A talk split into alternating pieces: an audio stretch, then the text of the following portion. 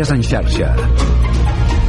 Bona tarda, són les 4, us parla Mercè Roura. Les protestes dels pagesos i ramaders, uns 2.000 tractors, segons xifres d'Unió de Pagesos, han arribat a Barcelona, procedeixen d'arreu de Catalunya.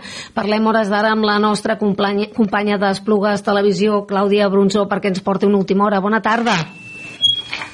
Bona tarda, doncs sí, són més de 2.000 tractors els que s'han adreçat aquí a la ciutat amb la intenció de col·lapsar Barcelona, en el que està sent una mobilització històrica. El sector ha entrat a la capital catalana amb marxes lentes per l'Avinguda Meridiana i la Diagonal i nosaltres fa pocs minuts els hem vist passar per al Departament d'Acció Climàtica, on uh, aniran, aniran tirant, aparcaran a diversos punts i després els pagesos s'adreçaran cap a Palau on hi ha d'haver la reunió entre el president de la Generalitat, Pere Aragonès, i el conseller d'Agenda Rural i Acció climàtica. Bàsicament, aquesta protesta es fa per diversos motius. Els pagesos es queixen per l'excés de burocràcia, pels baixos preus que els paguen les distribuïdores i pels plans de les administracions per afrontar les sequeres. Estarem pendents, doncs, en pocs minuts com procedeix aquesta mobilització i també el, com va la reunió entre el president, el conseller i els representants de pagesia. Moltíssimes gràcies, Clàudia. Doncs, com tu bé deies, estarem pendents de com evoluciona aquest tema. I en referència a aquest tema, precisament el president del govern espanyol, Pedro Sánchez, s'ha compromès avui al Congrés a defensar els interessos del sector Europa i modificar la llei de la cadena alimentària. Y entre las políticas antiguas hablaban de la PAC, que es la primera política común que hemos tenido a nivel europeo. Bueno, luego vino la pandemia y se dieron cuenta todos estos países de la importancia de hablar de la soberanía alimentaria de la PAC y, en consecuencia, de la importancia del sector primario en nuestro continente en el nivel europeo. Eso es lo que está haciendo el Gobierno de España, señoría. Nosotros estamos facilitando la adaptación a la normativa de la Unión Europea, estamos simplificando la PAC, estamos implementando cláusulas espejo y vamos a fortalecer la ley de cadena alimentaria. I des de Catalunya el govern assumeix també part de la responsabilitat en les reivindicacions de la pagesia i es defensa argumentant que se simplificarà la burocràcia. Ja parlàvem aquests dies de la creació de la finestreta única, a veure com es desenvolupa, per tant, aquesta reunió que ja ha prevista en poca estona amb el president de la Generalitat, Pedre, Pere Aragonès, amb representants dels pagesos, i també amb David Mascor, que és el conseller d'Acció Climàtica. Estarem estarem pendents per donar-vos l'última hora. És tot de moment. Tornem de seguida amb més notícies en xarxa. Fins ara. Notícies en xarxa.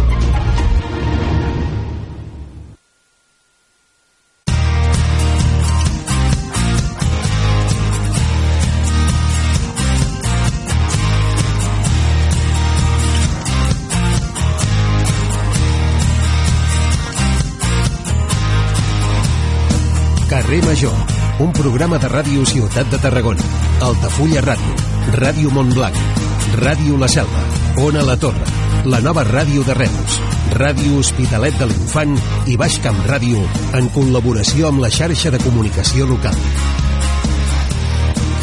Hola, bona tarda. La pagesia ja ha arribat a Barcelona. Ho fa fet eh, fa poca estona, passades les dues de la tarda, i amb més de 2.000 tractors en una mobilització que ja es considera històrica. El sector que va començar ahir les protestes arreu del país, eh, com dèiem, ha entrat eh, fa poca estona a la capital catalana amb marxes lentes que estan discorrent per l'Avinguda Meridiana i la Diagonal.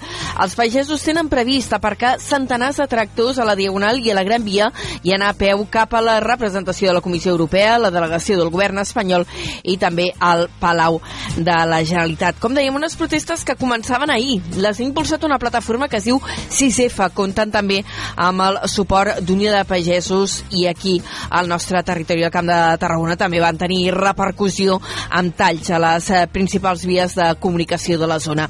Hi ha hagut ja reaccions polítiques. Avui el president del govern espanyol, Pedro Sánchez, ha promès que infurtirà la llei de la cadena alimentària per respondre a les demandes de la pagesia, a les demandes del camp.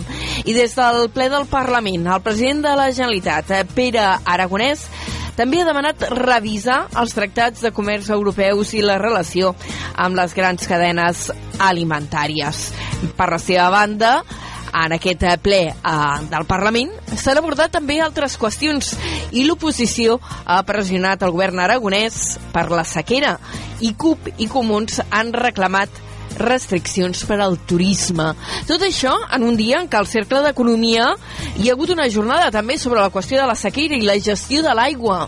I han participat enginyers economistes que han tornat a reclamar, com ja ho van fer a finals de desembre amb un manifest, la interconnexió de xarxes, la interconnexió de la xarxa que ens dona servei aquí, la del Consorci d'Aigües de Tarragona, amb la del Ter Llobregat com a recurs per fer arribar aigua a la zona metropolitana de Barcelona en aquest context tan difícil que estem vivint ara.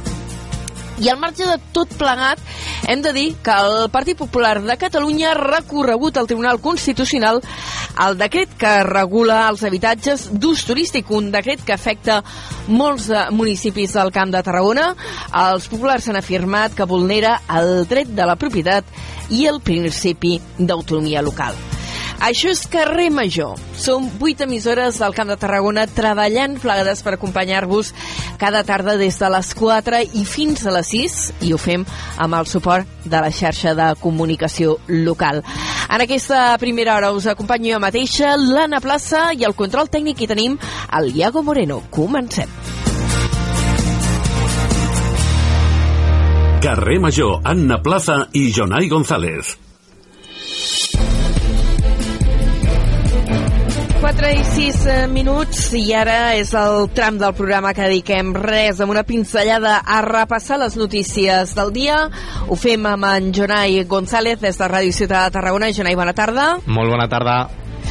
Comencem a parlant d'aquestes mobilitzacions. Dèiem que 2.000 tractors han entrat ja a l'àrea metropolitana de Barcelona, han entrat per la Diagonal a Barcelona aquesta mateixa tarda, i hi ha també participació eh, tarragonida. De fet, uns 200 tractors del Camp de Tarragona han sortit aquest matí cap a Barcelona a una marxa lenta que han empresa a través de l'autopista AP2.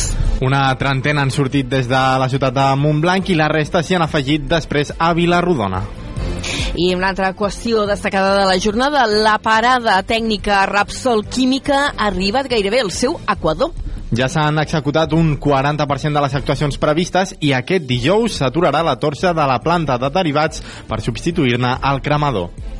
Els alcaldes socialistes del Camp de Tarragona coincideixen en la necessitat d'impulsar l'àrea metropolitana i, a més, s'han mostrat a favor del projecte del Hard. Els batlles s'han reunit aquest dimecres a Salou per verificar el consens total, per unificar projectes i també per posar en comú les seves estratègies. I ho dèiem ara en la presentació, enginyers i economistes mantenen l'aposta per interconnectar les xarxes del Consorci d'Aigües de Tarragona i la del Ter Llobregat.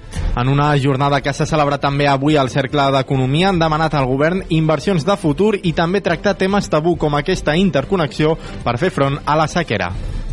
I la plataforma Mercaderies per l'Interior ha demanat que s'aturin les obres del tercer fil denuncien que el projecte pretén fer passar mercaderies perilloses per nuclis urbans i això posa en perill la vida de les persones.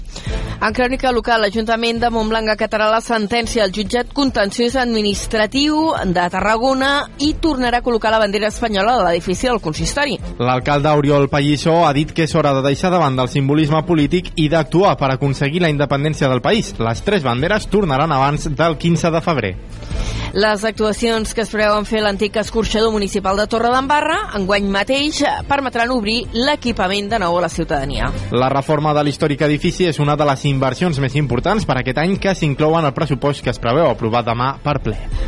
El Servei Públic de Bicicleta Compartida de Reus, la Ganxeta, registra un total de 2.100 viatges en una setmana. A més, l'Ajuntament ha reduït l'edat mínima per circular amb la ganxeta als 14 anys. 340 alumnes d'escoles de la demarcació participaran dissabte en la First Lego League. Els participants d'entre 6 i 7 anys provenen de 13 municipis de la demarcació i coincidiran a les instal·lacions de Fira Reus. Tot això ho repassarem aproximadament d'aquí mitja hora, amb molta més detall. Eh, Jonai, fins després. Fins després, adeu. Fins ara, adeu.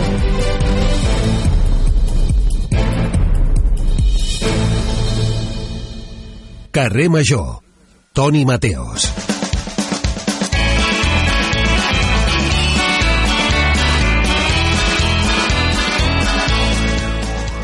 Què, Mateos? Què plaça? Què Estic levantada. Ja, ja, ja, ja ho he llegit.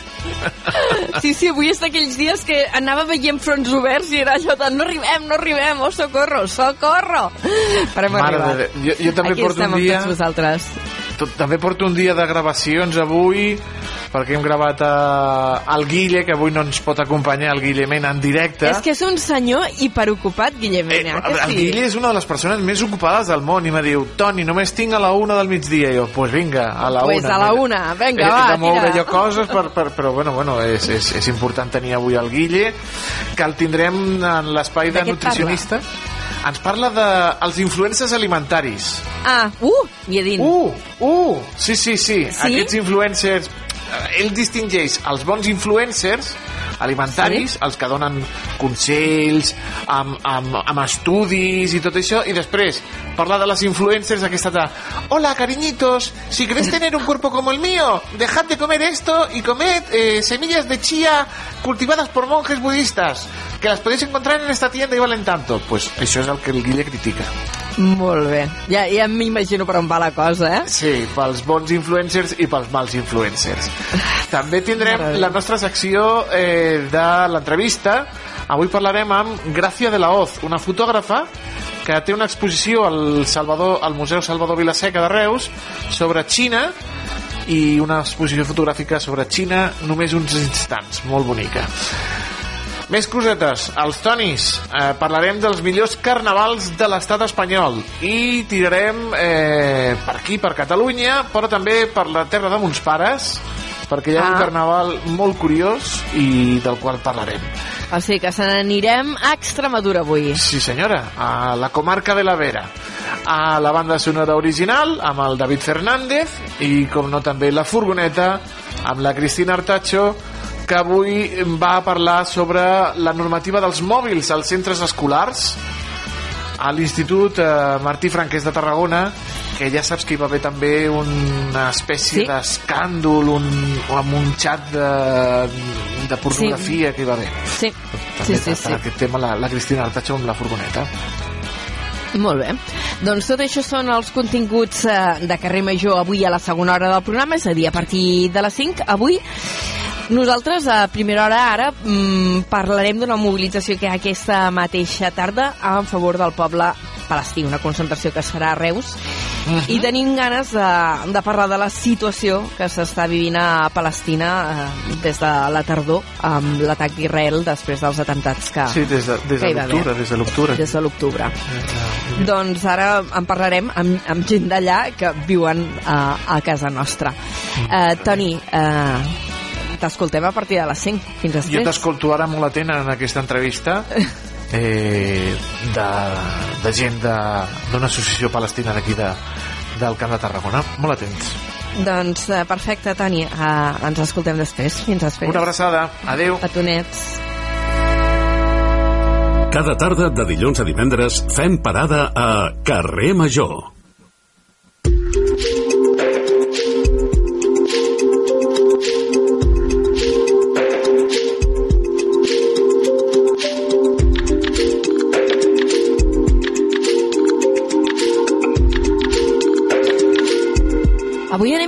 Superpuntuals. Encara no és un quart de cinc de la tarda, de fet falten un parell de minuts i encetem la primera entrevista del programa. Ara ho comentàvem amb el Toni. Avui eh, parlarem en aquesta primera hora del programa del conflicte àrabo-israelià, del conflicte que està vivint a Palestina, de la guerra a Gaza, i ho farem amb representants de l'associació eh, Comunitat Palestina Àrab, amb dues de les seves representants, la Mina Schumann i la Salma Eldabach, que les tenim les dues ja als estudis de la nova ràdio de Reus. Benvingudes i moltes gràcies per acompanyar-nos avui a Carrer Major. Gracias, gracias a ti. Avui us hem convidat, aprofitant la vinentesa, que aquesta tarda eh, hi ha una concentració a Reus, de fet es farà a les 7 a la plaça del Mercadal, una concentració que s'ha convocat amb el suport de diversos eh, sindicats d'esquerres, és el cas de la CGT, l'IAC i la Intersindical. Què preteneu amb aquesta concentració d'aquesta tarda? Sí, és correcte. Aquesta tarda hi ha una concentració convocada tant a Reus com a diverses eh, ciutats del país per tal d'exigir que s'aturi el foc, que s'aturi aquest genocidi i donar el nostre suport al poble palestí. Comencem. Avui Hamas ha proposat, de fet, un alt al foc mm, per tres fases per alliberar els reins i expulsar, i expulsar l'exèrcit israelí de Gaza. Eh, vosaltres ho veieu factible en aquestes altures de, del conflicte i veient també l'actitud tan beligerant i tan tancada que ha mostrat des d'un primer moment el govern de Netanyahu? Eh, de verdad, yo no lo veo, es un conflicto, porque no empezamos del día 7 de octubre.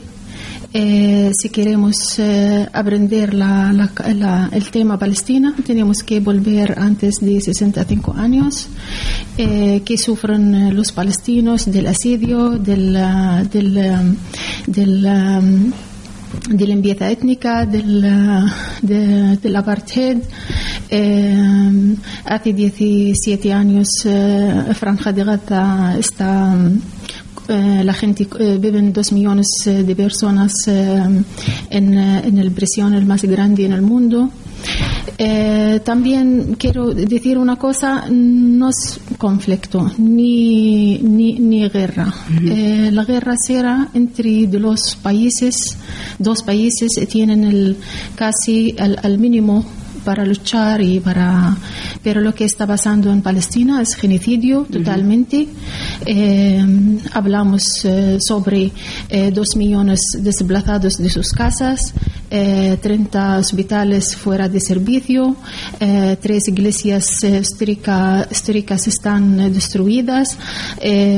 Hablamos sobre 35 mil muertos entre ellos 12 mil niños palestinos, eh, también más que 70 heridos muy graves, sin piernas, sin manos, y sin, eh, no, no, hay, no hay um, futuro para los niños porque todos no tienen no tienen cuerpo bien, eh, encima el, la, el, el shock lo que han cogido de, de esta guerra, eh, no es guerra, es genocidio otra vez.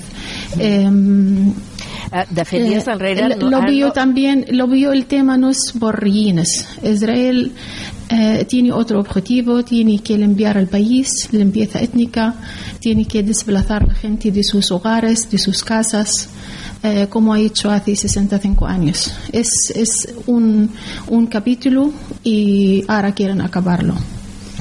Uh, deia que ara no fa gaires dies, ara no recordo quina, quina entitat internacional era, no sé si era UNICEF que parlava, i ara que ho esmentaves, no? la situació de la canalla també, que està uh, mm. patint de manera especialment cruenta uh, aquest uh, conflicte bèl·lic, uh, aquesta deies, no? Té unes arrels que venen de 70 anys enrere, però evidentment ara estem vivint un episodi especialment sagnant dintre d'aquest conflicte que, que fa tants anys que, que dura. Eh, tu tens contacte directe amb gent que està vivint a, a Gaza?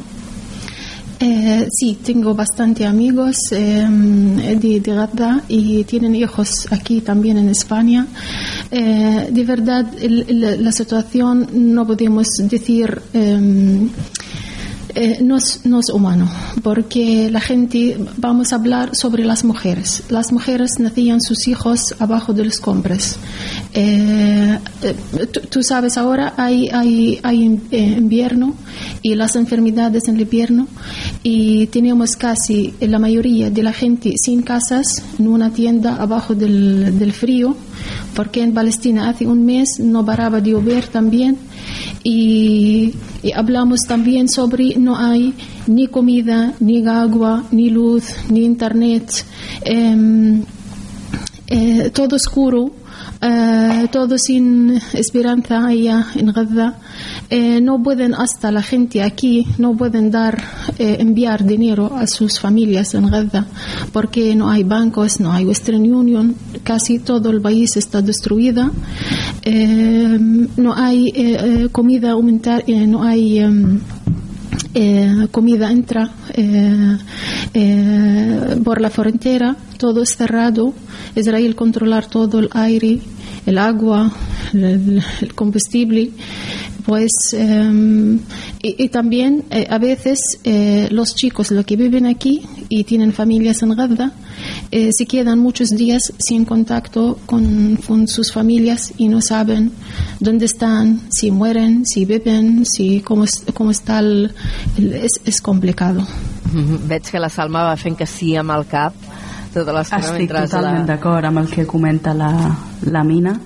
Eh, de fet, eh, abans comentava que es tracta d'un genocidi i m'agradaria repetir-ho perquè als mitjans de comunicació moltes vegades se sent la paraula guerra i sentim molta impotència perquè és un genocidi clarament um, a part de les paraules són molt importants no? Eh, ja no només la paraula guerra sinó la paraula presos. Hi ha una diferència entre presos i hostatges. La nostra pregunta és per què els eh, se'ls diu presos israelians que estan amb Hamas i no se'ls diu perdona, per què se'ls diu hostatges i no se'ls diu eh, els palestinians que estan a les presons d'Israel perquè també han sigut segrestats. No hi ha hagut cap mena de judici. Se'ls han emportat nens nens que eren amb, amb 10 anys per exemple se'ls han emportat a les presons. Aquests són presos. Un, una persona presa normalment significa que ha comès alguna mena de delicte. En aquest cas no és així. S'ha vist que més del 90% a les presons són persones innocents per tant les paraules són molt importants. Uh, en aquest cas uh, des, de, des de la tardor hem vist fins i tot que el secretari de les Nacions Unides parlava, eh, el secretari general de les Nacions Unides parlava en termes molt similars als que esteu utilitzant ara vosaltres eh, com a representants del poble palestí eh, amb una contundència que potser fins ara no s'havia vist davant del paper que està jugant Israel en aquest conflicte que com dèiem ara s'ha intensificat ara ha derivat en una guerra cruenta però que ve de molt lluny. Eh, no condenan a Israel. Ninguna vez sobre en, en, desde uh, empieza la ocupación de Israel no condenan nada a Israel y siempre eh, ellos al lado de Israel. Y porque los intereses internacionales allá en Palestina. Tú, como tú, tú sabes, Palestina tiene la situación eh, muy importante en el mundo árabe. Allá hay el petróleo, hay el gas, hay el, la fuerza para controlar el mundo y han puesto a Israel allá como portero para estos intereses y por eso siempre lo miramos eh, la comunidad internacional ellos casi la, la, al lado de Israel, al, al, Estado de Israel, porque el importante el, el intereses. El intereses y, y, y, tienen que pagar la factura los niños, los que viven en Franja de Gaza y en Cisjordania. Eh, mira, yo de verdad yo, yo vivo en un, vivía en un pueblo eh, en Cisjordania y y sufrí de la, de, de la antifada del 87 y la antifada del 2000. Eh, nosotros vivimos en situación similar a lo que está pasando en Gaza. Tenemos el muro, tenemos eh, colonias más grandes de los pueblos palestinos. Cada pueblo palestino tiene casi al, alrededor de ella tres, tres colonias. Eh, tenemos casi 800 puestos controles. Eh, no hay ningún contacto entre de pueblo y otro pueblo palestino y de una ciudad y otra ciudad. Eh, cada eh, pueblo palestino tiene un, una una puerta de hierro y entre de los colones y el muro y el puestos controles eh, no queda nada de nuestra tierra, no, queda nada para nuestro eh, sueño palestino. Ellos eliminan eh, nuestro eh, sueño para hacer Estado palestino porque no hay contacto ni entre Gaza y Cisjordania ni entre Cisjordania y Jerusalén. Em, somos casi eh, hablamos sobre eh, 2 millones en Gaza, eh, 3 millones en Cisjordania, eh, 2 millones eh, viven dentro del, del, Estado de Israel o el Estado del ocupante. Eh, pues, mm, pues tú hablas, mm, si quieres hablar sobre Estado palestino, eh, no hay contacto, contacto entre del, del, pueblo, no hay ninguna autoridad para los palestinos eh, para eh, mover de zona y otra zona y, y, no tenemos ninguna hasta. Si queremos viajar tenemos que coger el permiso uh, del, Estado de Israel. Y pues tú hablas a, un, a una situación eh, totalmente destruido. Mm -hmm. Salma que, és que et vaig veient que vas que, fent que sí amb el cap al llarg de l'entrevista i entenc que vols, o potser afegir coses a, al, que, al que està explicant-nos també la, la, la Mina Schumann, que, que està parlant d'aquesta situació mm, que ve de tan lluny de Exacte. un, un, sí, de, Això de, del poble palestí di, dividit eh, de, no? l'estat d'Israel diguéssim al mig amb una franja en una banda Cisjordània i amb una franja a l'altra a Gaza que a més estan incomunicades entre elles Sí, sí. Això, com molt bé ha esmentat, bé no, no és del 7 d'octubre del 2023, això fa més de 75 anys que està succeint. Això és una ocupació il·legal. Això és una massacre, és un genocidi i sembla que no aprenem de la història. Alemanya és còmplice i a sobre dona suport a Israel. França també. Estats Units ja sabem que són Israel i Estats Units són un, bàsicament, i podem dir que aquestes forces occidentals són les que estan eh, donant peu a que mm, surti impune eh, Israel. Llavors, eh, avui en dia tenim eh, mitjans per a veure el genocidi en directe. Anys enrere no. Ara sí. I i és, és un problema molt greu. Eh, tenim esperança en que encara queda humanitat però però és molt trist el que està eh, passant perquè són realment eh, a vegades diem és que són nens o és que són dones però és que també són homes són persones grans. És, són civils al final són civils. Eh, Hamas és una excusa simplement. És una excusa, eh, el que volen és fer una neteja ètnica i ja ho estan dient obertament. I si ho estan fent obertament és perquè saben perfectament que no n'hi ha cap mena de conseqüència perquè tenen el suport internacional. Vosaltres sou representants i l'acord internacional eh, que va denunciar eh, Sud, eh, Sud-àfrica fa uns dies unes setmanes eh, ja vam veure que l'acord internacional va dubtar molt va dubtar molt en dir sí, això és un genocidi. Llavors aquí entenem que que hi ha molts interessos darrere. I quan Yemen el país més pobre el país àrab més pobre va decidir posar límits posar límits per tal de eh, parar i frenar aquesta massacre ja hem vist què, està, què ha passat. El que ha passat és que eh, tots han anat en contra, tots han anat a atacar aquest país. Per què? Aquí està la pregunta, per què? la justificació que s'havia donat als atacs del Iemen és que hi havia hagut també atacs a, a, al comerç internacional que passa pel Golf Pèrsic i aquesta és la justificació que... Sí, és a dir, un paquet, un paquet d'Amazon eh, és més important no? eh, nosaltres ens queixem de que, oh, és que no m'arriben els paquets o és que estem perdent diners perquè hem de donar la volta ja, aquí sí que es mobilitza tothom perquè hi ha un interès econòmic. Però quan hi ha vides humanes a ningú li importa. Llavors deixem de parlar tant de l'Holocaust perquè estem repetint un altre vosaltres sou membres de l'Associació Comunitat Palestina Àrab eh, al Camp de Tarragona. Expliqueu-nos una mica què, qui sou aquesta associació, com esteu organitzats i quin contacte teniu amb la gent que està vivint ara mateix a Palestina i que segurament molts són parents i amics.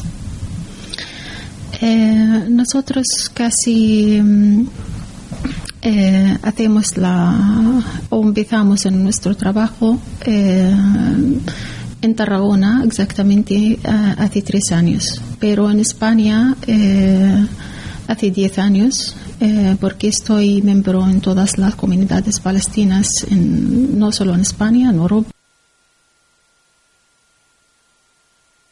no hay comunidad palestina árabe y empieza a trabajar para hacerla y en el final eh, lo tenemos. Tenemos eh, gente de Siria de Líbano de, de Egipto de Palestina y todos trabajamos eh, juntos para nuestras causas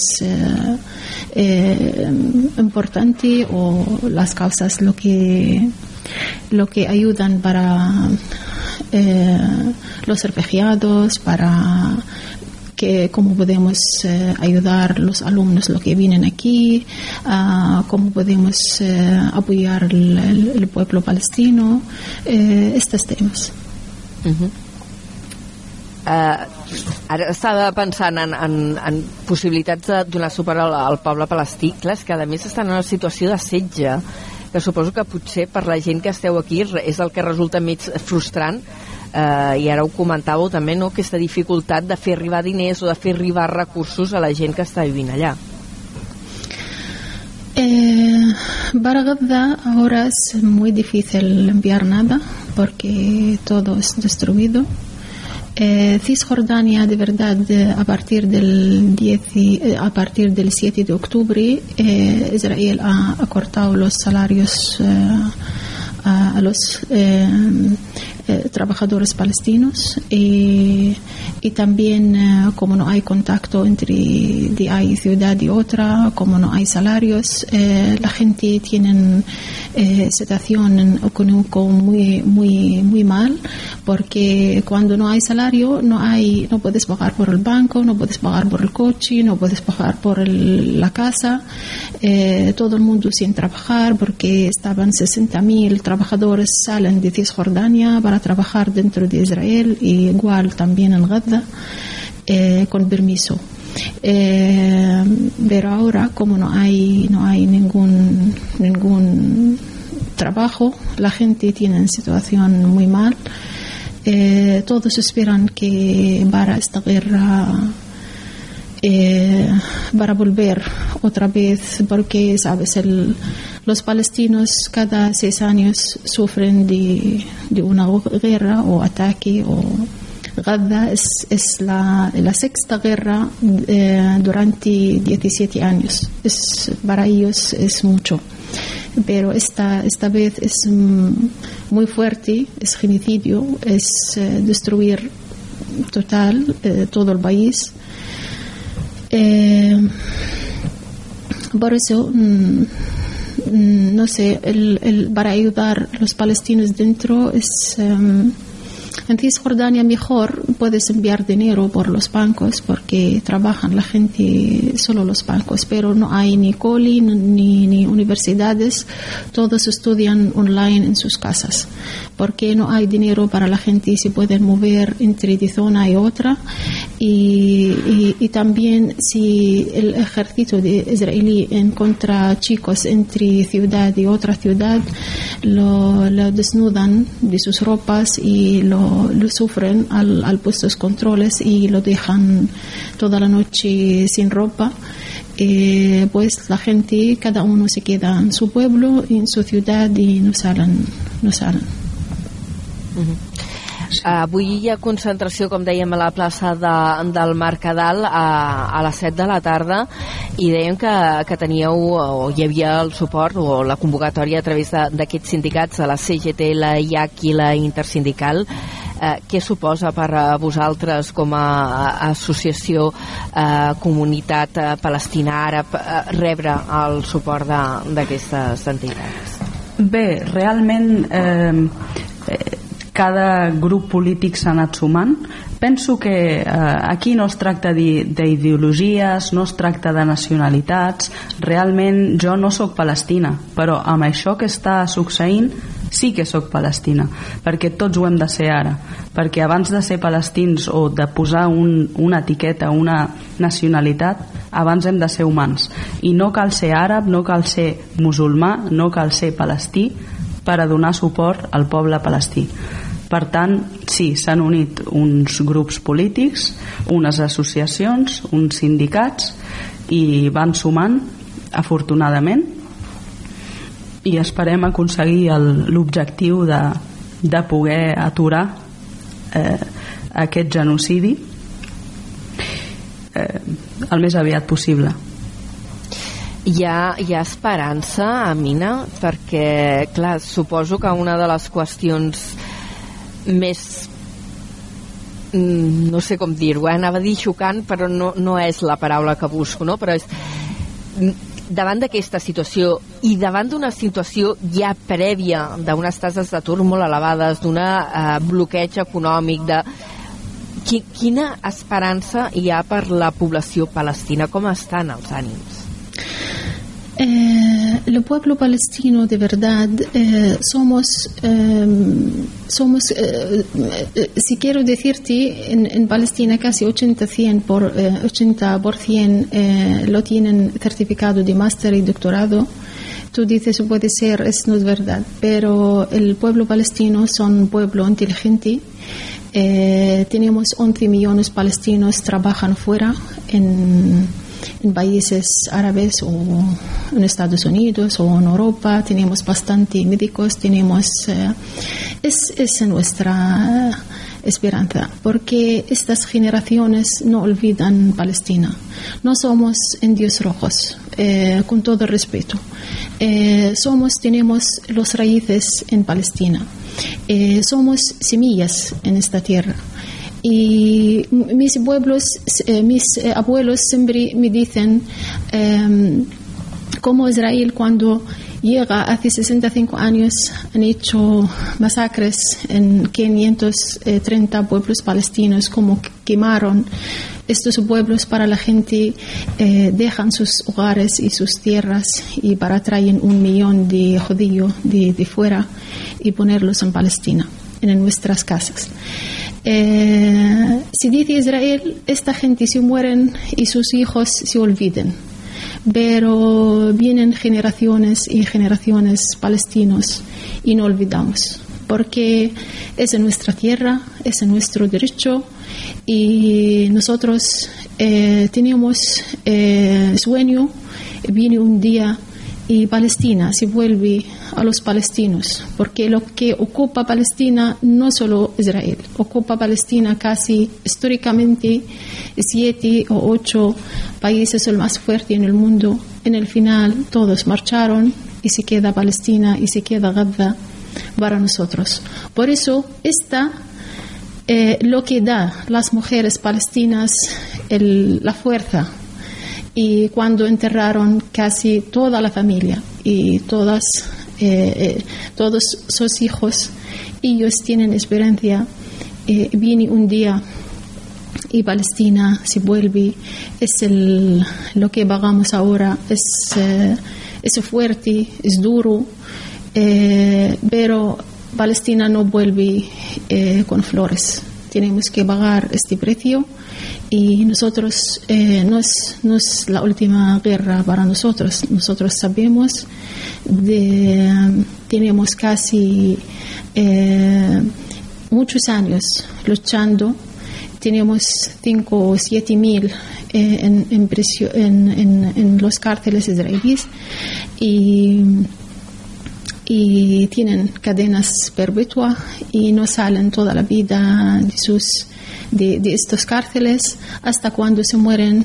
Eh, Israel roba sus, sus piel eh, porque tiene el, el, el, el, banco de piel el más grande en el mundo de, del, del, piel de los palestinos, lo que mueren en los cárceles porque no podemos eh, no podemos cogerlos porque es así, Israel es así. Pues esa es la experiencia. Eh, se queda con nosotros, enseñamos nuestros hijos, Palestina se vuelve un día. Y por eso.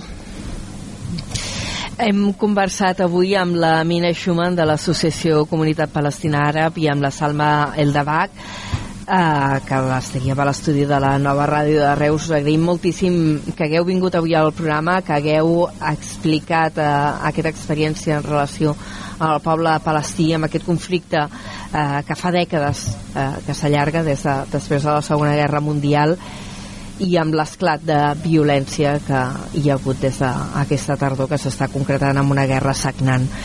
Us agraïm moltíssim que hagueu vingut avui al programa i recordem que aquesta tarda a les 7 hi ha convocada una concentració a la plaça del Mercadal, una concentració que compta amb el suport dels sindicats eh, la CGT, IAC i Intersindical. Moltes gràcies a les dues per haver... Gràcies, Anna. Moltes gràcies. Palestina gràcies. serà lliure des del riu fins al mar i l'esperança mai s'ha de perdre. Gràcies. Gràcies a vosaltres. Fins la pròxima. Adéu-siau.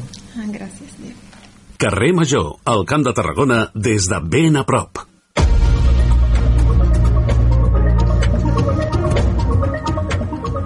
Són les 4 i 40 minuts. Avui hem tingut aquest testimoni tan punyent de la Amina Schumann. Ella és de Cisjordània, eh, viu a Reus i ens ha explicat, ens ha donat testimoni del que suposa viure a Palestina avui en dia i des de fa dècades perquè el conflicte, com dèiem, no és nou. I ara ens endinsem en el resum de les notícies de la jornada. Ara hi ha més detall, abans les hem apuntat amb titulars. I ja ho hem comentat, eh, més de 2.000 tractors han entrat ja a Barcelona en una mobilització històrica, amb unes marxes lentes que han arrencat a primera hora del matí eh, des de tot el territori català, també evidentment des d'aquí eh, al Camp de Tarragona, des d'aquí ha sortit eh, una primera caravana de tractors des de Montblanc, a primera hora s'hi han afegit més tractors a Vilarodona i després a Banyeres del Penedès. Jonai González, explica'm com ha anat tot plegat? Doncs durant la nit una decena d'agricultors han mantingut aquesta protesta a Montblanc i s'han reunit en una rotonda de, de dins la localitat. Han deixat lliures les principals carreteres per evitar que els camions circulessin per dins el municipi. Un dels integrants de la plataforma 6F al Camp de Tarragona, l'Eduard Escolar, ha manifestat la voluntat de continuar amb les protestes fins a aconseguir les seves reivindicacions. Les, les forces hi són totes, esperem eh, que la gent estigui al peu del canó, així, així ens sembla a nosaltres nosaltres almenys tenim tota l'esperança i creiem que això s'allargarà fins que fins que el nostre manifest arribi allà on arribi i, i almenys ens diguin alguna característica si, si és que arribarà a bon port o tindrem alguna resposta i si no, pues seguirem aquí al peu del canó. Recordem aquesta mobilització que començava ahir amb eh, talls de carretera, amb marxes lentes arreu del país, també aquí a la Camp de Tarragona, i que ara ja ha arribat a Barcelona amb més de 2.000 tractors amb una mobilització històrica.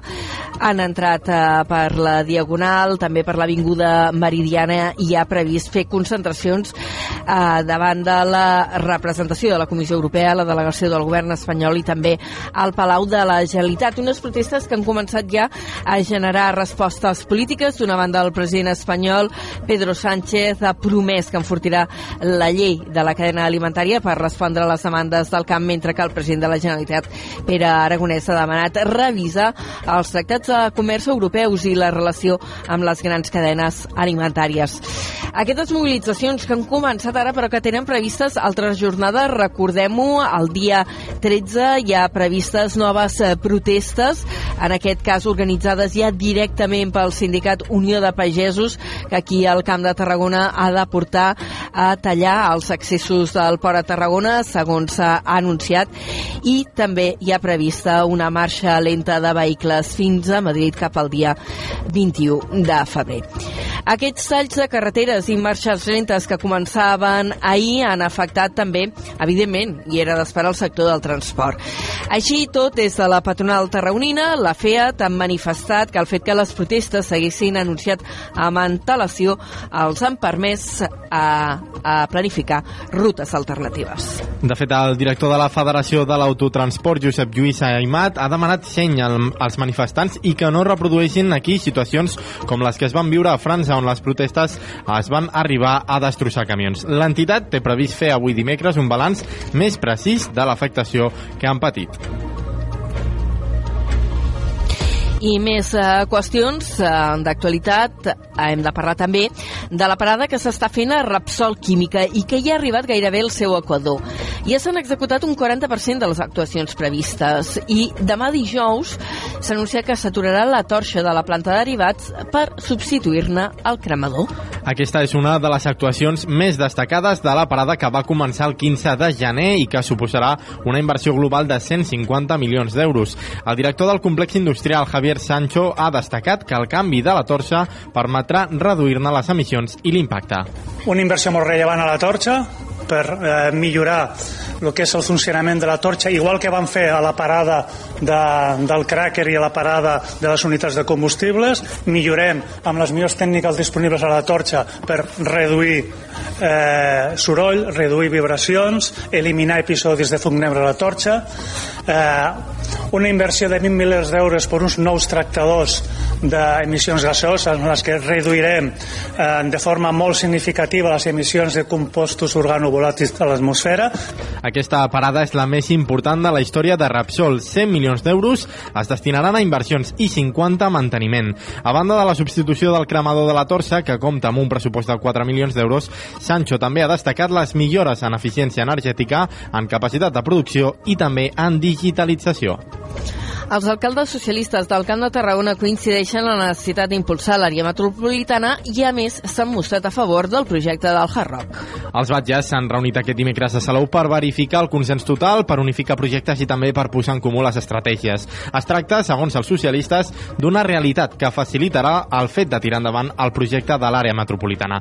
En té més detalls l'Adrià Tella des de Ràdio Ciutat de Tarragona. Els batlles consideren que és l'eina necessària per fer sentir la veu i impulsar la unitat d'acció del Camp de Tarragona el veuen com un instrument que hauria de permetre gestionar i dinamitzar conjuntament els serveis i recursos compartits de forma més competitiva i sobretot més eficient.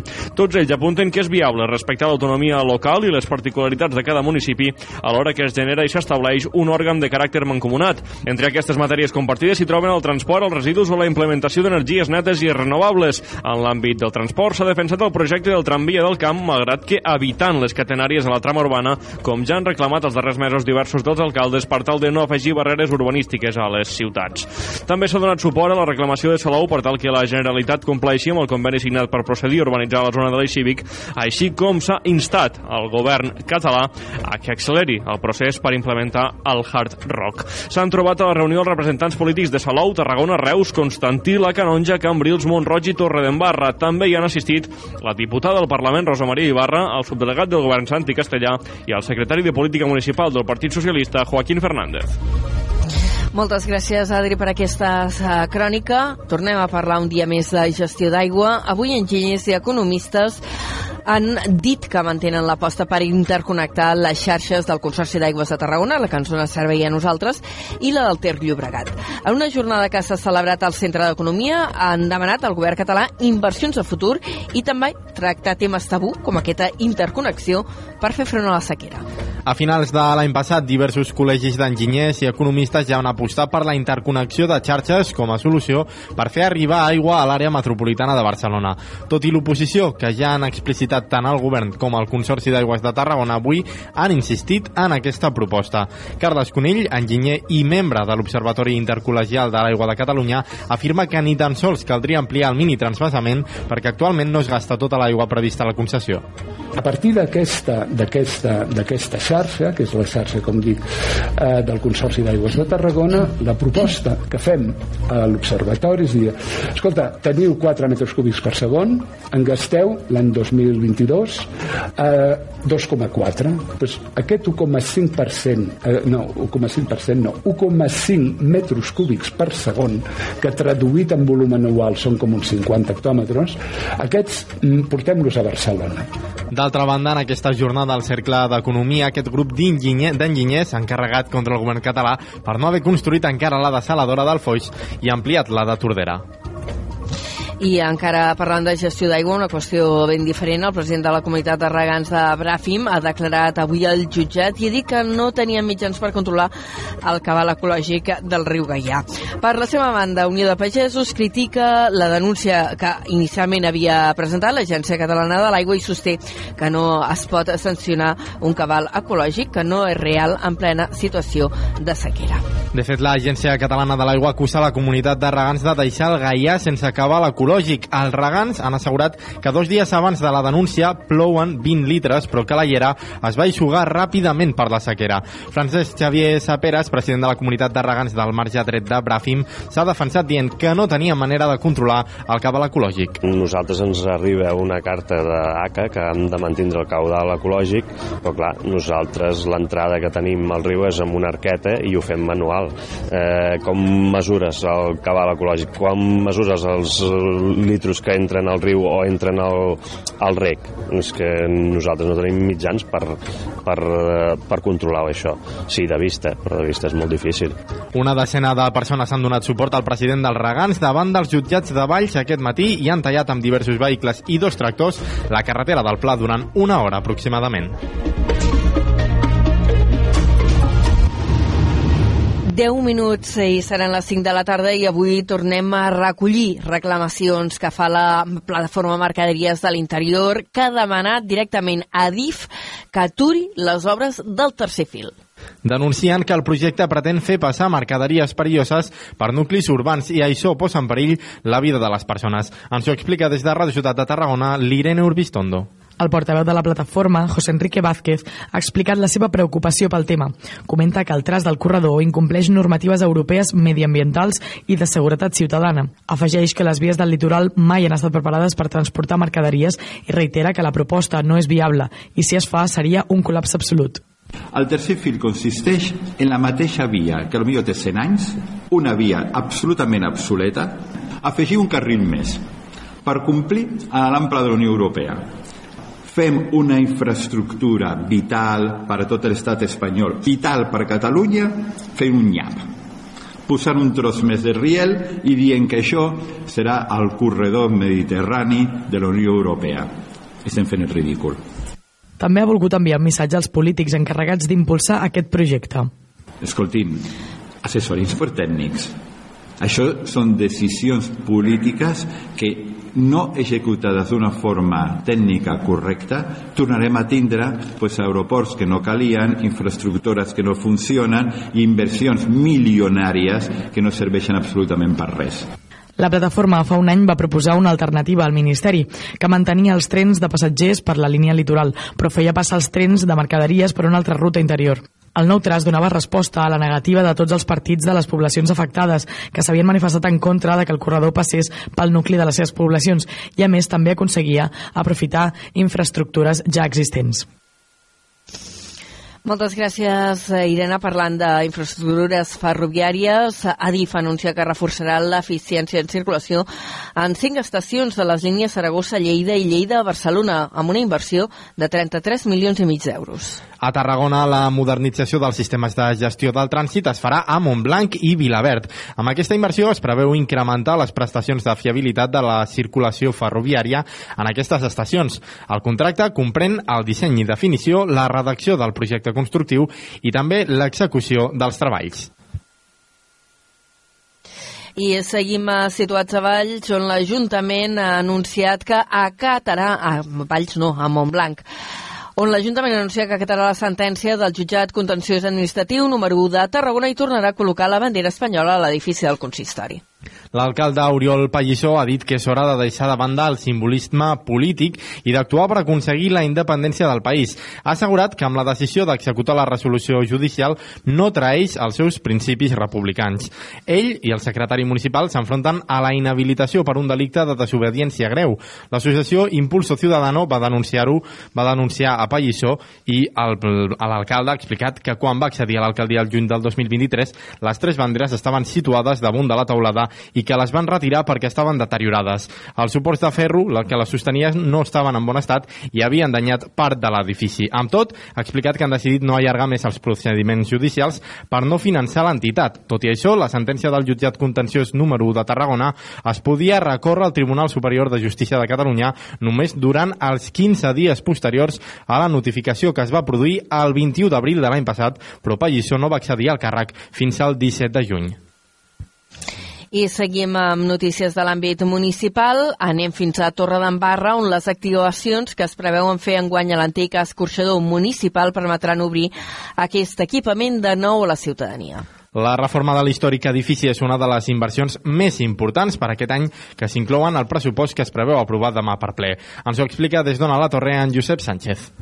En total s'hi destinaran 236.000 euros i amb aquesta intervenció l'edifici, de 690 metres quadrats de planta, obrirà les seves portes per a l'ús de les entitats culturals del municipi.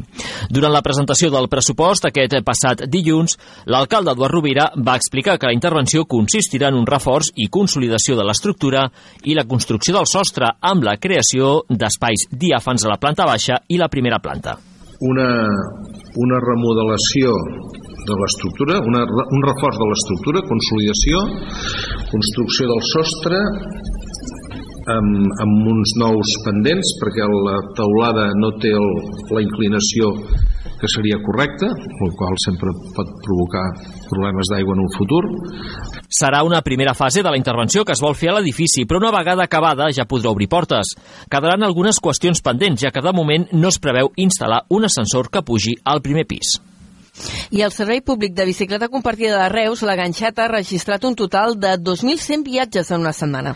A més, l'Ajuntament ha reduït l'edat mínima per circular amb la ganxeta als 14 anys. Ens ho explica des de la nova ràdio de Reus, la Laura Navarro. Durant la primera setmana de servei hi ha 1.700 usuaris registrats i s'han comptabilitzat 3.500 descargues de l'aplicació, 2.100 per Android i les 1.400 restants per iOS. Per l'estrena s'ha activat una promoció que permet gaudir de la ganxeta de manera gratuïta durant tot el mes de febrer. A partir de març la ganxeta tindrà un preu de 20 cèntims al dia i descomptes pels usuaris habituals. Hi haurà un tiquet de 20 24 hores que tindrà un cost d'un euro i permetrà usos il·limitats inferiors a 30 minuts. També s'han activat diverses bonificacions mensuals segons la franja d'edat. Els usuaris de 14 a 29 anys i els de partir de 65 anys pagaran en total 6 euros al mes. Com a novetat s'ha reduït l'edat mínima per circular amb la ganxeta a partir dels 14 anys, però serà obligatori l'ús al cas per menors de 16. Aquest canvi serà efectiu d'aquí a unes setmanes.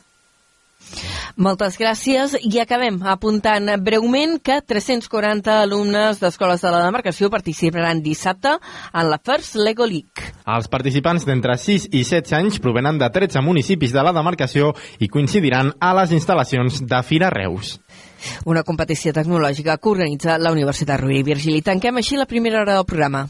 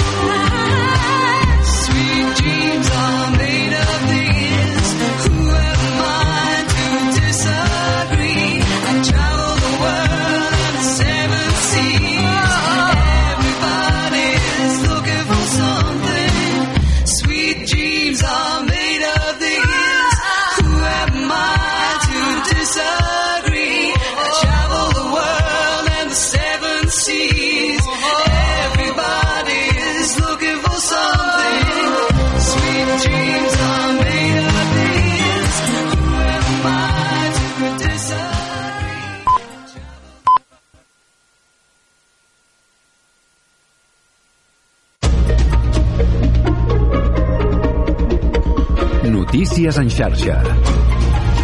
Bona tarda, són les 5, us parla Mercè Roura. Més de 2.000 tractors han arribat avui a Barcelona, procedeixen d'arreu de Catalunya i han arribat a la capital catalana amb marxes lentes per donar continuïtat a les mobilitzacions d'ahir. Hores d'ara tenen previst reunir-se representants dels pagesos amb el president Pere Aragonès al Palau de la Generalitat. Allà hi ha la nostra companya d'Esplugues Televisió, Aina Garcia. Bona tarda. Bona tarda, doncs. Han arribat dos representants de Girona ara mateix aquí a davant del Palau de la Generalitat. La reunió que estava prevista a les 4 de la tarda s'ha ajornat a les 5. Una reunió que es fa entre representants d'agricultors amb Pere Aragonès, el president de la Generalitat, i David Mascort, el conseller d'Acció Climàtica i Agenda Rural. Durant l'arribada, recordem que hi ha hagut una, una gran allau de, de suport dels veïns, per part dels veïns i veïnes d'aquí a Barcelona, als agricultors, que recordem que es manifesten per que protesten per la crisi que viu el sector molt afectat per l'increment de preus, la sequera i la manca d'ajudes. Segons Unió de Pagesos, han arribat uns 2.000 tractors a Barcelona i la vaga, doncs, que va començar ahir, ha fet aquesta tracturada durant la nit i han arribat, doncs, ara a les 5 a la columna de Girona. Moltíssimes gràcies, Aina. Doncs estarem pendents de com evoluciona aquest tema. I sense deixar de parlar del tema, el president Pere Aragonès s'ha solidaritzat aquest matí amb la pagesia, ha defensat que ja s'ofereixen mesures consensuades, tot i això diu que es podria haver fet més. Ha demanat revisar els tractats europeus i les grans cadenes alimentàries. L'escoltem. La situació que viu doncs, el sector primari del nostre país doncs, eh, s'arrossega des de fa molts anys. El malestar lògic amb el qual doncs, eh, no només eh, des del govern troben tota la comprensió, no es tracta de fer copets a l'esquena, sinó es tracta de prendre mesures i decisions per ajudar el sector primari del nostre país a tirar endavant. I això és el que hem fet aquest govern, en l'àmbit que ens pertoca. Evidentment, Seguirem pendents de com evoluciona aquest tema i d'aquesta reunió amb Pere Aragonès.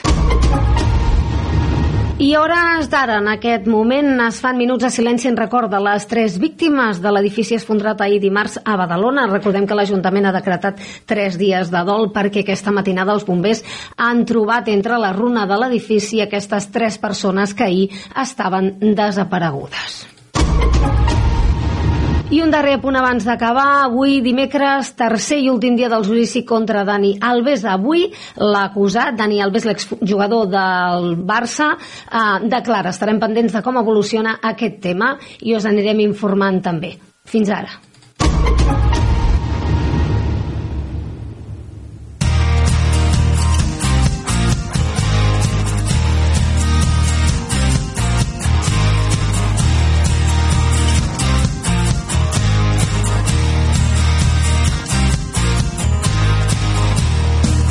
Carrer Major, Toni Mateos i Aleix Pérez.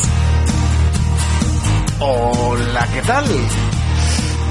Avui parlarem de menjar ràpid. Vinga, va. La cadena McDonald's, coneguda a tot el planeta, no es trenca molt al cap amb el nom de les seves hamburgueses i dels seus productes. Hamburguesa de pollastre? McPollo. Hamburguesa de peix? McFish. Una cruixent? McCrispy. Una hamburguesa per reis? McRoyal. I una hamburguesa extrema? McStream. Així de fàcil. Fa uns anys, McDonald's va ampliar el seu negoci obrint les seves pròpies cafeteries. Els McCafés. Oh, quin nom, McCafé. I on podem trobar McCroissants, McCookies, McPops i unes magdalenes que anomenaven McMuffins. La gent els va avisar. Amics de McDonald's, si són magdalenes, per què no les dieu magdalenes en lloc de muffins, eh? Després d'una batalla per internet, amb milers i milers d'internautes reclamant el canvi de nom a Magdalenes, finalment McDonald's a Espanya ha fet una campanya on s'acomiaden de les seves McMuffins i sí, amics, donen la benvinguda a les Magdalenes a l'estat espanyol. I amb marca registrada, tu. No fos cas que els hi robin la idea. Ai, poden anar a McDonald's, al McCafé, i demanen una magdalena de xocolata o una salted caramel, eh, que és una magdalena amb una crema de eh, sal, coses rares. Quina magdalena o muffin estrany t'has menjat algun cop? Aleix Pérez, de la nova ràdio. Bona tarda, Toni Mateos, de Ràdio La Selva. Eh, no et posa com molt nerviós allò que ho, ho posin tot en Mac? Tio, no, et fa, no, no, tens com, no et surt com una ira interna de dir per No, què sempre- tot en Mac? Per què? Per No. què? No. Yo demano siempre un cuarto de libra con queso. No es mac, cuarto de, es cuarto de libra con queso. És que per què, per què eren de posar Mac a tot? Em, em genera com una, una, una, una ira interna que, que no sé gestionar i m'he sigut una persona en general bastant tranquil·la. I mira, En mira que és fàcil, eh? Magdalenes, Magdalenes, no, no, McMuffins. Home, no, per favor.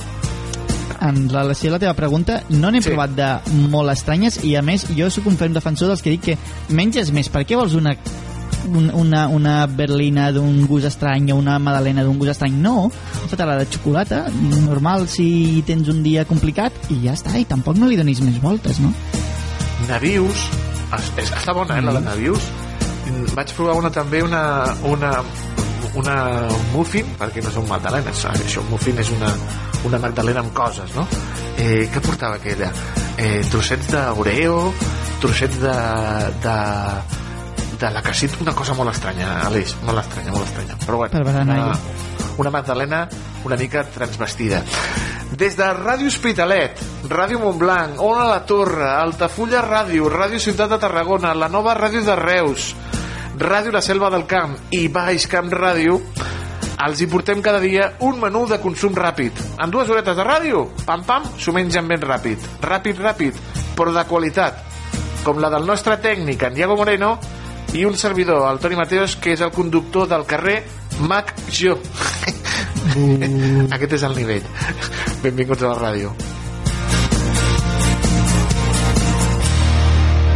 Tot el que passa al Camp de Tarragona t'ho expliquem a Carrer Major.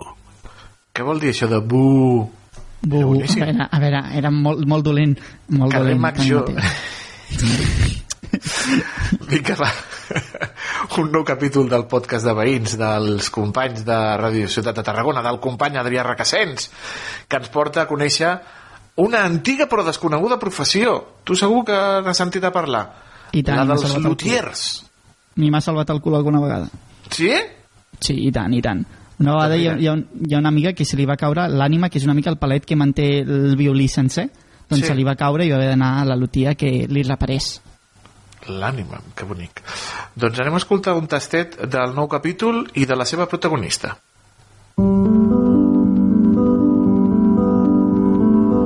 Aquest és un nou capítol del podcast veïnal del Camp de Tarragona. Històries i protagonistes del nostre territori. Sabíeu que loteria, a més de joc d'atzar, és l'art de fer instruments? Bé, s'escriu diferent, però en pronunciar pot resultar confús. I es tracta de l'ofici de la nostra protagonista al podcast de Veïns. Soc la Mireia Referrer i em dedico a la loteria i a l'arqueteria. Jo vaig néixer a Lleida, eh, tinc 35 anys i tinc el meu local comercial, el meu taller botiga, aquí a Tarragona, al carrer Orosi número 11. Loteria com l'art de fer instruments de corda, vent o percussió. La loteria és l'ofici que s'encarrega de construir i de restaurar instruments musicals. La- L'arqueteria és la que s'encarrega de construir i restaurar els arquets. Lutier, bueno, luteria ve de lut, que, que, està, que, que vol dir llaüt, no? I, i d'aquí és la, la construcció dels instruments de corda, a partir del, del, de la llaüt que diguéssim. Com sabem, hi ha diversos instruments de corda, la corda percutida, la pulsada, la fregada, i jo m'he especialitzat en corda fregada, el, amb el quartet, el violí, viola i violoncel, i eh, estic especialitzada en moderna, no en antiga, com podrien ser violes de gamba o violes de braccio, o arqueteria ve de, de, de, de archer, és francès i és arquet. Històries, vides, trajectòries, anècdotes. Els nostres barris, carrers, places, municipis, pobles i ciutats compten amb un grapat de veïns i veïnes rellevants per una cosa o altra. El podcast veïnal de Carrer Major, el programa de les 8 ràdios de la xarxa al Camp de Tarragona, ens fa descobrir aquests perfils del territori cada setmana amb Adrià Requesens. No et perdis cada capítol a rctgn.cat. Podcast de veïns. Gent amb marca local. Doncs ja ho saben, rctgn.cat, a la web de Ràdio Ciutat de Tarragona, al Twitter de les 8 emissores del programa i al servei de Ràdio La Carta i, com no, a la plataforma Xarxa Més.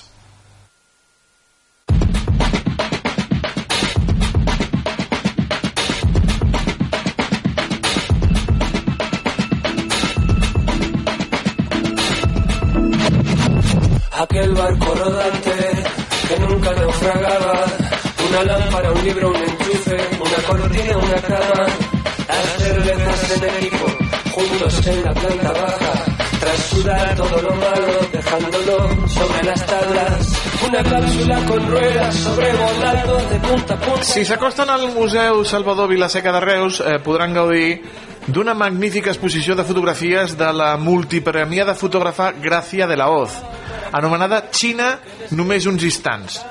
Una col·lecció de fotografies que ens relaten la vida, el carrer, l'entorn rural les persones que hi viuen en aquest eh, país, en aquest gegant asiàtic. Avui hem convidat als estudis de la nova ràdio a la seva autora, la Gràcia de la Hoz, a la qual saludem. Senyora de la Hoz, molt bona tarda, benvinguda al carrer Major. Hola, bona tarda. Bona tarda a tothom. Anem a fer una mica d'història, senyora de la Hoz. Recorda qui li va regalar la seva primera càmera i com van ser les seves primeres fotos? Mm, mira, per fer això hauríem d'anar molt, molt enrere. A Reus hi havia al carrer Llobera una, una botiga que es deia de Ports Ferrer. Quan jo era petita que anava... Bueno, quan vaig acabar l'escola vaig fer un estiu treballant allí com, com un becari, no? Com... I, I allà vaig, vaig tenir una Instamatic, una màquina molt petiteta, que era només per, pràcticament avui en dia no, no té cap valor, però que en aquell moment molta gent va passar per una Instamatic. Posaves un carret de 12 fotos o, o, o de 20 i amb allò tiraves molt de temps, eh? Perquè els carrets s'havien de revelar, valien diners, jo tenia 16 anys i feies que t'adoressin, que t'adoressin. Déu-n'hi-do.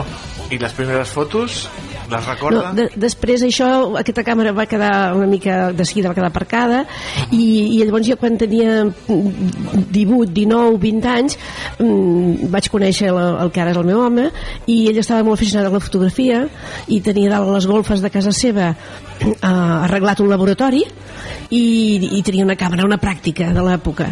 I anàvem, jo i uns quants més que tenim tots una colla i anàvem, quan acabàvem de, anàvem de moltes excursions per la muntanya fèiem fotografies durant tot el dia i quan acabàvem el dia teníem la, la inquietud de veure què és el que havíem fotografiat i anàvem dalt en aquestes golfes i, i revelàvem el carret teníem el, el, el tanc per revelar i esperàvem allí emocionats a veure què sortia, què, què és el que havíem fet que és el que portava la fotografia analògica d'abans que no sabies de moment què és lo... tu havies tirat la fotografia però fins que no la veies fins que no veies el carret no sabies que, que si t'havia sortit bé o no t'havia sortit bé.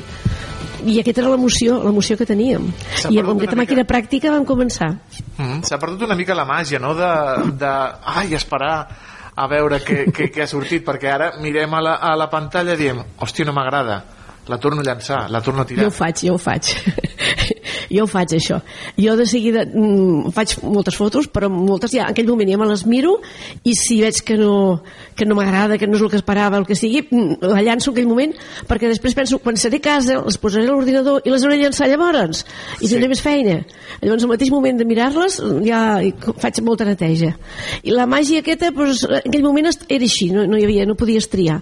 Ara també tenim la immediatesa, la immediatesa també té, mm, té un valor, vull dir, és uh, fantàstic. Veus el que veus, fas la fotografia, la tens en aquell moment, i si no t'ha acabat de quedar bé, la tornes a fer. Vull dir, no... És interessant. Uh -huh. Senyora de la Hoz, es parla de l'ull del fotògraf.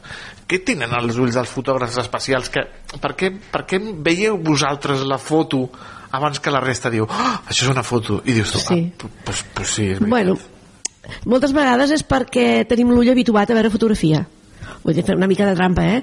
eh? sí- que és cert que hi ha gent que té potser més dots, com per la música o com per la pintura, però el, cert és que després, durant tota la teva carrera, tu eh, intentes eh, veure molta fotografia de molta gent, és on s'aprèn, i, i aquesta manera de veure, de la composició dels altres, que fan els altres, com ho fan, és un aprenentatge que vas, vas a incorporar en el teu bagatge, i aquest aprenentatge després surt i és el que tu et sembla que dius uf, la fotografia s'ha fet amb un no res no, s'ha fet a base de molts anys de, de pràctica i llavors, per tant, per la gent que potser no, no, no hem fet tantes fotografies com, com vostè, quin, què, què es necessita per una bona fotografia? Quins són els elements eh, que són indispensables? Menys és més? A vegades sí, però és que a vegades no, depèn del que puguem comunicar. La fotografia és un mitjà de comunicació. I què volem comunicar? I segons el missatge que nosaltres vulguem donar buscarem un, un camí o un altre. A vegades sí que en menys és més. Només volem vendre una petita cosa un petit objecte, un petit eh, sentiment. I llavors ens hem de limitar amb poqueta cosa a l'imatge. A vegades volem explicar una cosa molt complexa molt llunyana. Els, els fotògrafs que van a fer reportatges de guerra eh, han d'explicar moltes coses no? I, com, i, i és una fotografia molt complicada, molt difícil perquè no poden ensenyar tot el que veuen, però en canvi hem de fer fotografia que expliqui tot el que hi ha allà, que ho expliqui sense ensenyar-ho. És complicat, és difícil. És complicat, però tot i així vostè ha rebut un ventall de reconeixements instants de, de trajectòria que, que l'avalen distincions a Itàlia, Eslovènia, Argentina, a Sèrbia. Quin valor també té professional aquestes distincions per vostè? És un reconeixement del que fas perquè saps què? La, la gent que dir jo faig les fotos molt, molt guaques molt xules, la meva mama m'ho diu no, no té cap mèrit no? Vull dir, les mames totes diuen que fem les fotos molt xules i els diuen a tots els nens i a tots els fills que, que dibuixen molt bé que fan fotografies molt xules i tot això però llavors eh, hi ha una altra manera d'obtenir aquest reconeixement i és a base de jo en el meu cas participar en concursos i, i cada premi que et donen és un reconeixement al treball que has fet si veiessis que participes en concursos i no fas res, probablement al final acabaries deixant-ho i fent una altra cosa, una altra activitat, o aniries a, esquiar o aniries a fer escalada però al participar et dona un reconeixement. Llavors jo també a través d'aquests reconeixements sóc membre de la Federació Internacional de Fotografia i ells tenen un, un, un rànquing de, de distincions i amb aquest, amb aquest eh, rànquing doncs jo estic supercontenta perquè el 2014 em van donar el de mestre FIAP mestre Federació Internacional de Fotografia mestre és el reconeixement més gran que tenen per un fotògraf i sóc l'única dona de l'estat espanyol de moment i però a mi va, això em va donar molta satisfacció perquè clar jo vaig pensar mira veus és una manera que m'ho reconeguin no? que davant de la gent doncs, de, de la gent del món fotogràfic evidentment però que et reconeguin doncs, el, que, el que has fet, el que has treballat Uh -huh. eh, Déu-n'hi-do, eh, aquest gran reconeixement. També el fotògraf no només ha de fer fotografies, sinó que també ha de fer classes, ha de fer de jurat, ha de fer, ha, fer, ha de fer exposicions, ha de donar consells, eh, molta feina que no es veu, no, el fotògraf? Efectivament, quan eh, arribes a, un determinat nivell, tot allò que tu saps i que has après i que has anat a, a, a omplint el teu bagatge d'aquells coneixements, el que vols fer és compartir-los també hi ha gent que t'ho demana per compartir-los vull dir, no és, no és que tu solament vulguis compartir-los. Hi ha, hi ha uh, agrupacions i associacions que et telefonen que et diuen escolta que podràs fer de jurat perquè necessitem una persona d'un determinat uh, uh, nivell i, o que ens podràs vindre a fer una xerrada o a fer un, una, qualsevol col·laboració que tu puguis fer doncs amb ells sempre els, hi, els pot anar bé perquè veuen una altra manera de veure la fotografia una altra perspectiva i dintre de la fotografia com no és només una sola sinó que són moltes són moltes germanes germanes la fotografia no és una família és una família amb molts, molts germans moltes germanes i allí cada un té un, un, una manera de veure la fotografia diferent i compartir això enriqueix a tots mm. Anem a parlar de l'exposició eh, que ara es pot veure al Museu Salvador Vilaseca aquest Xina només uns instants un viatge a la Xina expliquin senyora de la Hoz com va ser aquest viatge eh, quina càmera va portar si anava ja amb la idea de fer un, un reportatge, si anava ja amb la idea de, de fer fotografies, com va ser aquest viatge a la Xina? Mira, us explico una mica el viatge a la Xina com va sorgir. Jo vaig anar a la Xina el 2016. El 2016 vaig anar invitada per una universitat d'allà que em van eh, convidar per donar-me un reconeixement d'aquests eh, de fotografia. Me conviden, me paguen el viatge, me paguen l'estada i jo estic allà 7 o 8 dies i faig fotografies. En aquell moment portava una Fuji que l'acabava d'estrenar, no sabia molt bé com anava, la vaig, una cosa que no s'ha de fer és davant d'un viatge d'aquestes magnituds comprar la màquina 15 dies abans i estrenar-la hauria fet mitges fotos si hagués pres la que ja tenia, que tenia una Nikon, que ara la tinc, i eh, m'anava molt bé, però mira, vaig voler eh, aprofitar per prendre aquella. I vaig fer moltes fotos, és que vaig fer moltes fotografies. Però bueno, vaig descobrir un país que no coneixia. Jo era molt ignorant i vull dir el que sabia, no, no he d'enganyar ningú. Jo el que sabia de xinès són els restaurants xinesos i les botigues de productes que porten de Xina. No en sabia gaire cosa més. I allà vaig descobrir un món eh, immens amb, amb ètnies diferents xineses però ètnies diferents perquè a més a més ens van tractar molt bé ens van portar a veure molts llocs ens van portar a visitar eh, el que deia ètnies de xineses diferents llocs mm, fantàstics per fer fotografia vaig fer moltes fotos i ens va passar molt, molt bé. I llavors l'any següent em va sortir l'oportunitat a través de la Federació Internacional de Fotografia que cada any fan un fotomíting perdó, cada dos anys fan un fotomíting de fotografia i el feien a Xina. I vaig dir, home, aquesta és la meva. Perquè en aquell moment vaig poder el que havia fet una vegada, la següent vegada vaig poder perfeccionar, millorar, ja sabia on anava, ja sabia el que anava a fer. Vam anar a visitar coses diferents, però l'essència del viatge va ser aquesta, i l'exposició correspon amb aquest segon viatge, el 2017. Realment va ser un viatge fotogràficament molt bo. I a més també en aquest, en aquest viatge no, eh, comenta que, que és això, que, que intenta doncs, a pesar de la grandesa no, i la diversitat del Sí. país també captar aquest, aquest instant, aquests espais concrets, aquesta perspectiva potser petita no, al sud-oest de Xina, a Guinzhou, però que està retratada en aquesta exposició. Sí, sí, efectivament. El, el, la, fotografia, la fotografia realment només és un instant. La, la, la, la història depèn de què pots comunicar tu amb aquest instant. Pots comunicar moltíssimes coses segons el que, el que, el que posis a la fotografia. En el meu cas no vaig, no vaig tindre cap pretensió de poder ensenyar el que és Xina. És impossible. És un gegant asiàtic immens, diferent, divers, i no, no crec que, ni- que m'hi podria estar dos anys i no podria fer un bon reportatge. Llavors vaig fer moltes fotografies, vaig fer potser unes 3.000 fotografies, i després, quan vaig preparar l'exposició, em vaig centrar en el que eren les cares, la gent, els retrats, les ètnies, veure la gent de prop.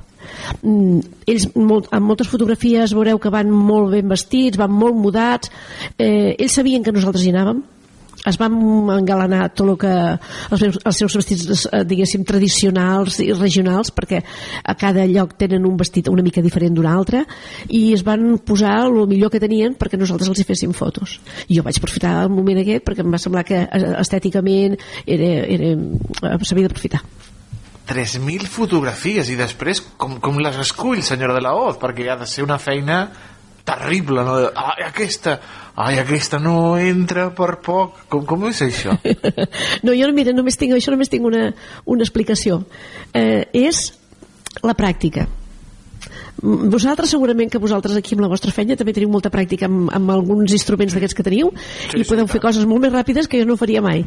Doncs lo, lo meu ull, el meu ull està molt acostumat a veure fotografia. Quan vas a fer de jurat en concursos internacionals, quasi sempre tens 3-4.000 fotografies 6.000, 7.000 l'he arribat a tenir, però aquestes 3.000 fotografies les veus a base de mm, 5, 5 segons per fotografia o menys.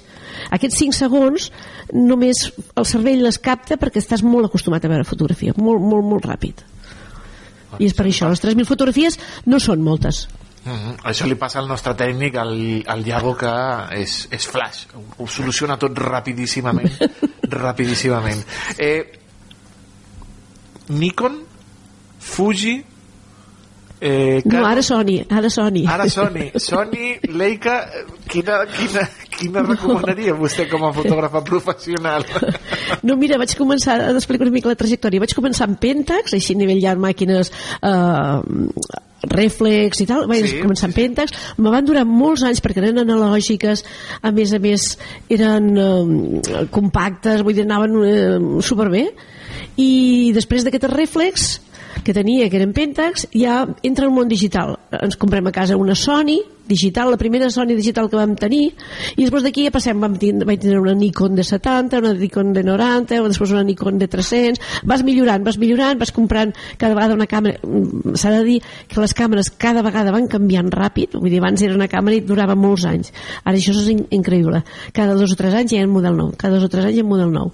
La que tinc ara és una Sony A7 III que me la vaig comprar durant la pandèmia imagina't que, com, que no fa tant i ara ja entrem la 5 la A7 5 jo tinc la 3 perquè vegis que en qüestió de dos anys i mig han tret dos models eh, més, posteriors. Clar, lògicament fan més coses, són més fantàstics, més meravellosos i són més cars, però bueno, és una cosa que requereix una evolució també amb, eh, amb les màquines i amb l'equipament que vas tenint. La Alfa és, és, és cara, eh? La, la Sony Alfa és cara, senyora de la Hoz. Eh, I ara que han tret aquestes que no que són les eh, Evil, que no porten el, el, el vidre dins i tot això. Vale, doncs aquesta, aquestes, eh, ara va cap aquí la fotografia, perquè jo també t'haig de dir entre, entre secret. Quan la, la Nikon de 800 que tinc pesa un... no ho, sé, Sí, no sí. ho sap ningú el que pesa. Si vas tot el dia... Només ho saben els fotògrafs.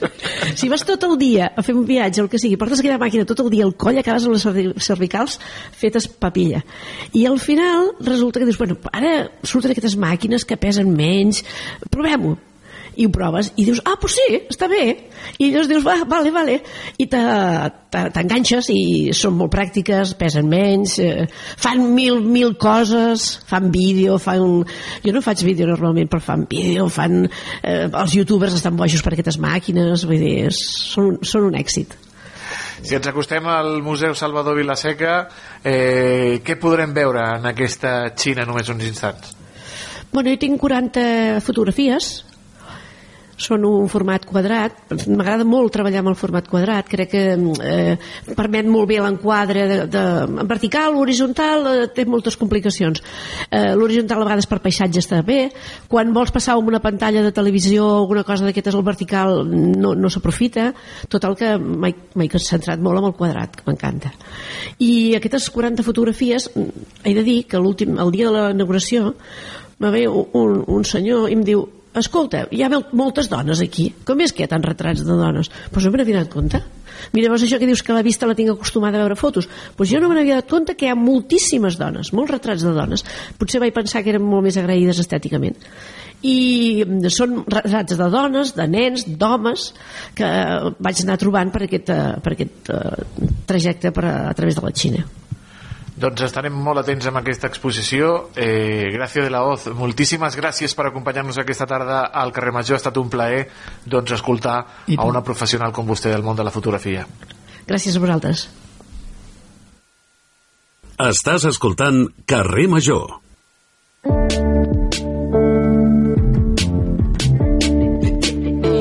Doctor, Su hijo está flaco. No quiero más puré, qué rica la tortilla, apártamelo rojo. Cada 15 dies parlem de nutrició amb el nostre expert, el nutricionista Guille Mena. I avui parlarem d'una cosa que està molt de moda, que són els influencers en l'alimentació. Bueno, ell és el nostre influencer preferit en l'alimentació, el Guille Mena, que ens influencia cada 15 dies aquí al carrer Major. I el saludem. Guille Mena, bona tarda. Què tal? Molt bona tarda. Espero que us influenci, però en positiu, no? Sí, sempre, sempre, sempre. Bueno, de vegades, de vegades ens influencies allò de ai, Toni, Toni, trauré el, el làtigo, ja veuràs. I em va fer tremolar el de l'altre dia, eh? bueno, bueno, és un tema candent, eh? El que comentes és un tema candent. Sí, sí, perquè no hi ha dubte que s'han convertit en líders digitals eh, per la seva capacitat d'influenciar sobre la gent, però és perillós tot això, Guille? Bueno, el, jo crec que és eh, tant un benefici com pot ser algo eh, perillós. Bàsicament perquè el món s'està digitalitzant a una, a una velocitat increïble, ja només amb el tema de la intel·ligència artificial, eh, hi ha molts factors que s'han de tindre en compte.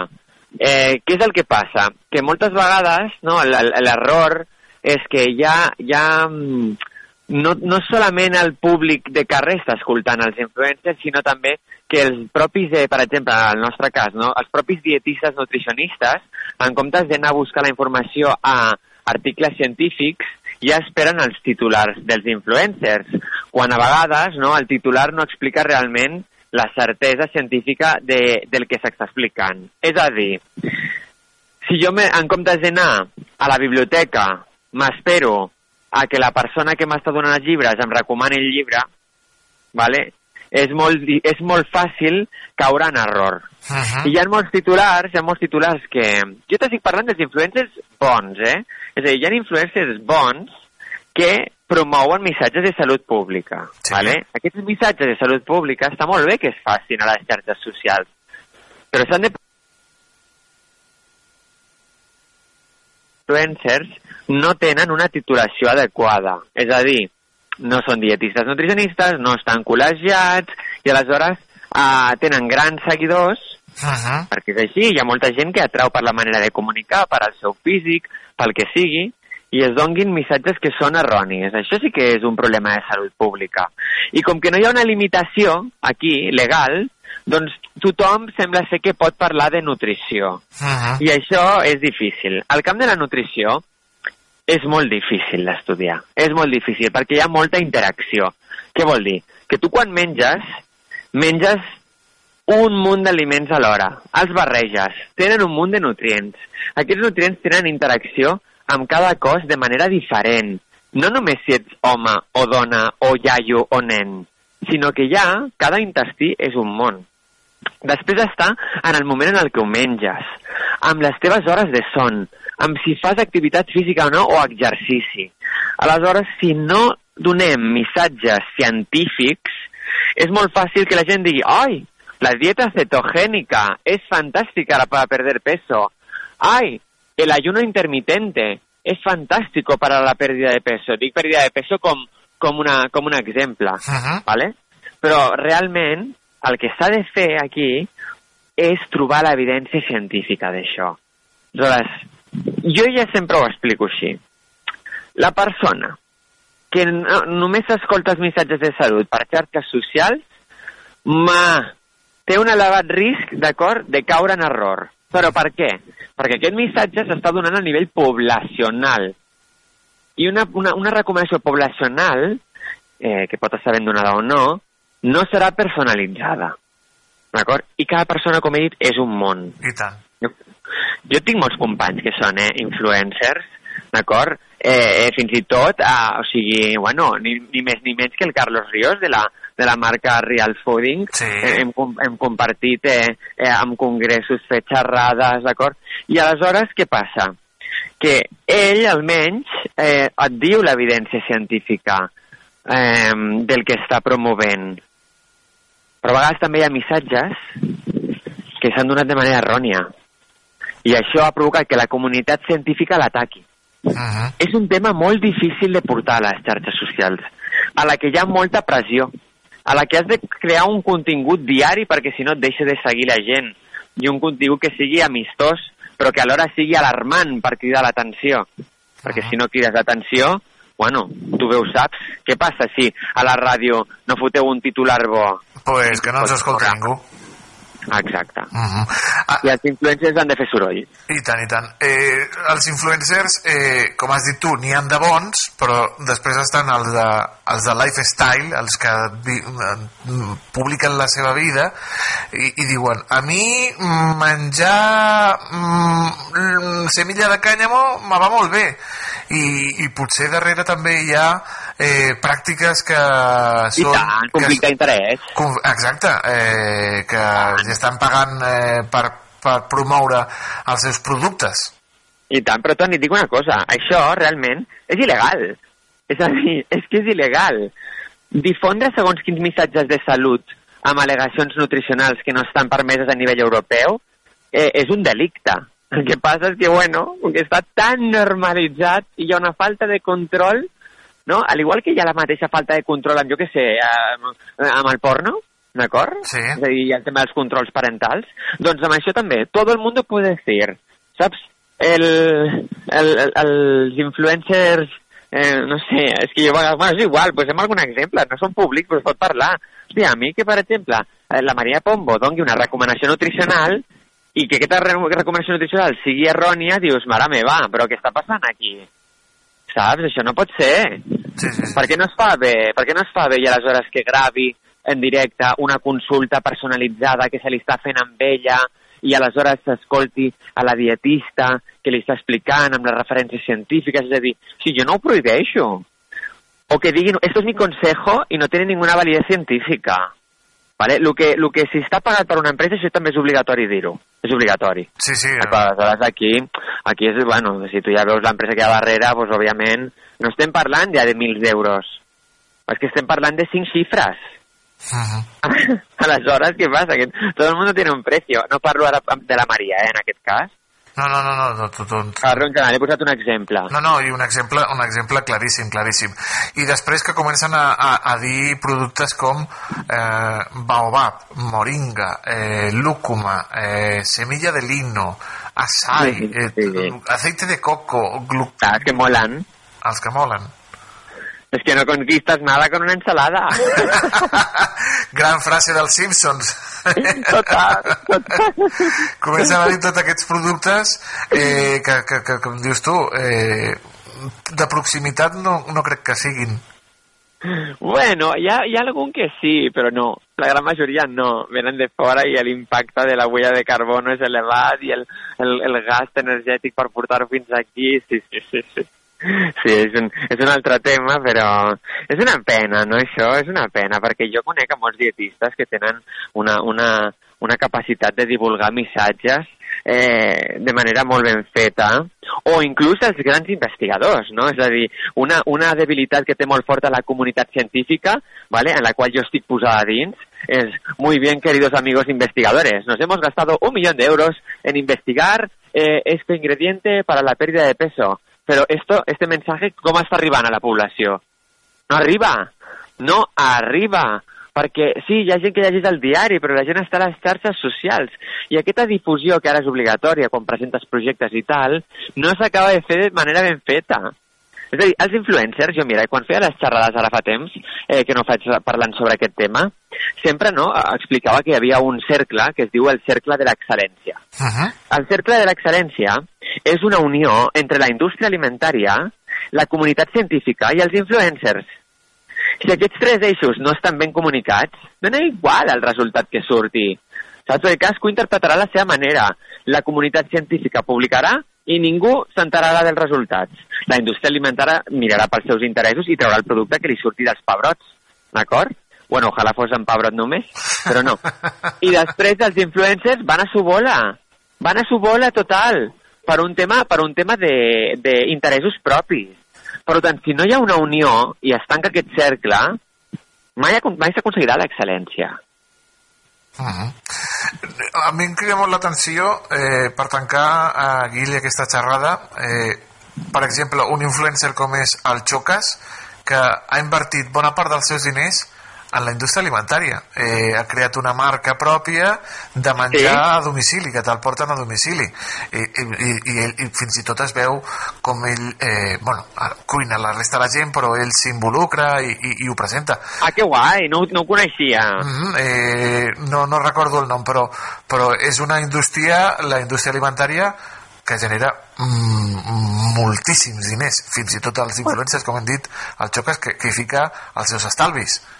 Però a mi em sembla bé això. Clar que sí, cadascú inverteix els diners on vol, però que es faci bé. És a dir, jo ho desconec, eh?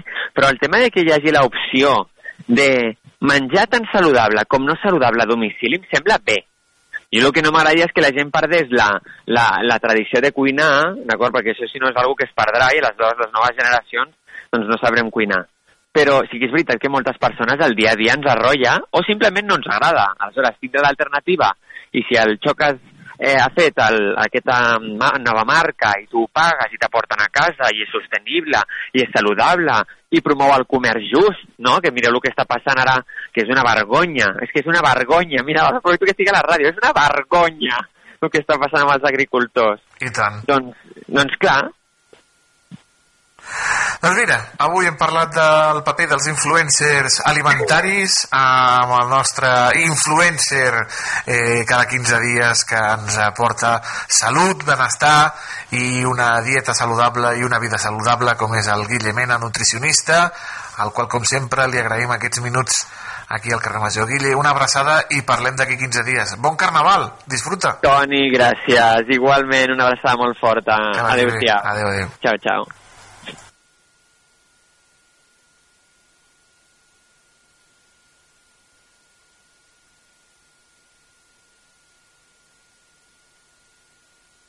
Anem de carnaval, no? Som-hi, Toni Mateos. Carnaval, car... Molt bé, molt bé. Gra gràcies al Guillemena, el nostre nutricionista de capçalera d'aquí del carrer Major. I nosaltres anem amb la secció dels Tonis quan són gairebé 6 minutets per arribar a tres quarts. Eh, Antonio, bona tarda. Bona tarda, Toni Mateos. Què tal, com estàs? Espectacular, com sempre. Preparat pel Carnaval? Sempre, anem jo fer, sempre. Anem a fer un tomb per la península ibèrica o què? Veient a veure quins són Sí. els carnavals més famosos d'aquesta d'aquest eh, nostre contrada, la nostra gran península ibèrica. Doncs mira, anem a veure quin... I, i, i les Canàries, també, no ens deixem les I les Canàries, les Canàries, sí, sí, sí. El territori espanyol. A veure, a, veure, a veure quins són els millors carnavals. Avui t'hem fet una selecció a l'Eix i a tots els nostres oients dels Així és. millors carnavals de, de l'Estat. I per on comencem, Antonio? Doncs cap a Andalusia, anem cap a Cádiz. Hombre! Som-hi. Amb el carnaval, eh, famós carnaval de, de Cádiz, no? Protagonitzat per les comparses, pels cors, per les xirigotes, aquella música, amb aquella ironia, amb aquell bon humor que omplen els carrers d'aquesta ciutat andalusa, que rep, com dèiem en aquestes dates, prop de mig milió de visitants amb el seu Carnestoltes, un dels únics sis Carnestoltes d'Espanya declarats ja d'interès nacio- internacional, no nacional, eh? Internacional. Les festes ja han començat amb el famós concurs del Gran Teatre Falla, que té lloc dues setmanes abans del divendres de Carnestoltes i en el qual doncs, les diferents agrupacions competeixen en genialitat, originalitat i art. Tot això doncs, es trasllada després al carrer i durant els dies de Carnestoltes és una mm, és un, un es, es, espectacular eh? poder gaudir Sí. de les nombroses actuacions que tenen lloc en qualsevol racó, en qualsevol del centre de la ciutat. Anem després del Carnaval de Cádiz cap a les Canàries, cap al Carnaval de Santa Cruz de Tenerife, amb disfresses, amb comparses, decoracions que competiran en el Carnestoltes Canari, fidels a la seva devoció per la purpurina. Això sí, eh? molta purpurina, molta brillantina, molts lluentons i moltes plomes. Els actes més esperats d'aquest Carnestoltes d'interès internacional, com el de Cádiz, són l'elecció de la reina del Carnaval i les magnífiques desfilades de carrosses que omplen els carrers de gent pels carrers de Santa Cruz de Tenerife i que allò sembla, doncs, què dir- què dir-te, Rio de Janeiro. Sí, un gran sambòdrom gairebé que munten allà, eh? Tornem, Toni, cap al sud d'Espanya, anem cap a Múrcia i concretament a parlar del Carnaval d'Àguiles, un carnestoltes també dels únics sis d'interès internacional a Espanya, que és famós per les seves desfilades nocturnes i per les animades carpes repletes de gent. És imprescindible assistir al que diuen a la Sota de la Mussona, un personatge mitològic que recorre els carrers i el maquillatge dels quals doncs, és bastant impressionant. Eh? Podeu buscar-ho al Google, que us apareixeran imatges molt vistoses. Existeix també el costum en aquest carnaval d'Àguiles a Múrcia de batallar tirant peles d'ou farcides de confeti, en el que és un dels episodis carnavalescos més singulars de tota la geografia espanyola. Però Toni Mateos, aquí a Catalunya, també en tenim, no?, de carnavals ben vistosos. I tant, tenim el de Sitges, el més conegut de Catalunya, el, la Rua de la Disbauxa, que se celebra el diumenge, i la Rua de l'Extermini, que se celebra el dimarts. Són els punts àlgids del Carnestoltes més conegut i concorregut de Catalunya. És impossible passejar per Sitges aquests dies. Sitges congrega a milers de visitants que porten alegria i vistositat a aquesta festa que ofereix un desplegament de creativitat. Les desfilades estan formades per grans carrosses que són autèntics escenaris teatrals, eh, amb rodes. Sa Majestat Carnestoltes amb la reina concubina i un enorme seguici és qui dicta el desgovern a la ciutat durant el Carnestoltes. Sí, seguim cap al nord d'Espanya i anem cap al, carni al carnaval de Berín, a Orense. En Troido de Berín, al sud d'Orense, arrenca el 31 de gener amb la primera desfilada dels cigarrones, que es diu. Van disfressats amb robes vistoses i grans escallots, els que anomenen els cencerros, lligats a la cintura. Però el seu tret més original és la màscara de fusta adornada amb un ampli i simpàtic somriure. És el Carnestoltes de Berín, un dels més antics de Galícia i un dels més curiosos també d'Europa. Dilluns de Carnaval al matí, és a dir, el dia 12, el pròxim dilluns, se celebra una batalla de draps untats amb fang coneguda com la farrapada. Mm. I la processó de parelles muntades en rucs, o també coneguda com a xitanada. Eh, ojo, eh? Una, una baralla de draps bruts de fang. Fantàstic. Quin mal ha de fer, eh? Si un drap ja de per si, si et peguen amb un drap humit, amb un drap en fang, no m'ho vull ni imaginar. Carnaval de Gran... Sí, sí.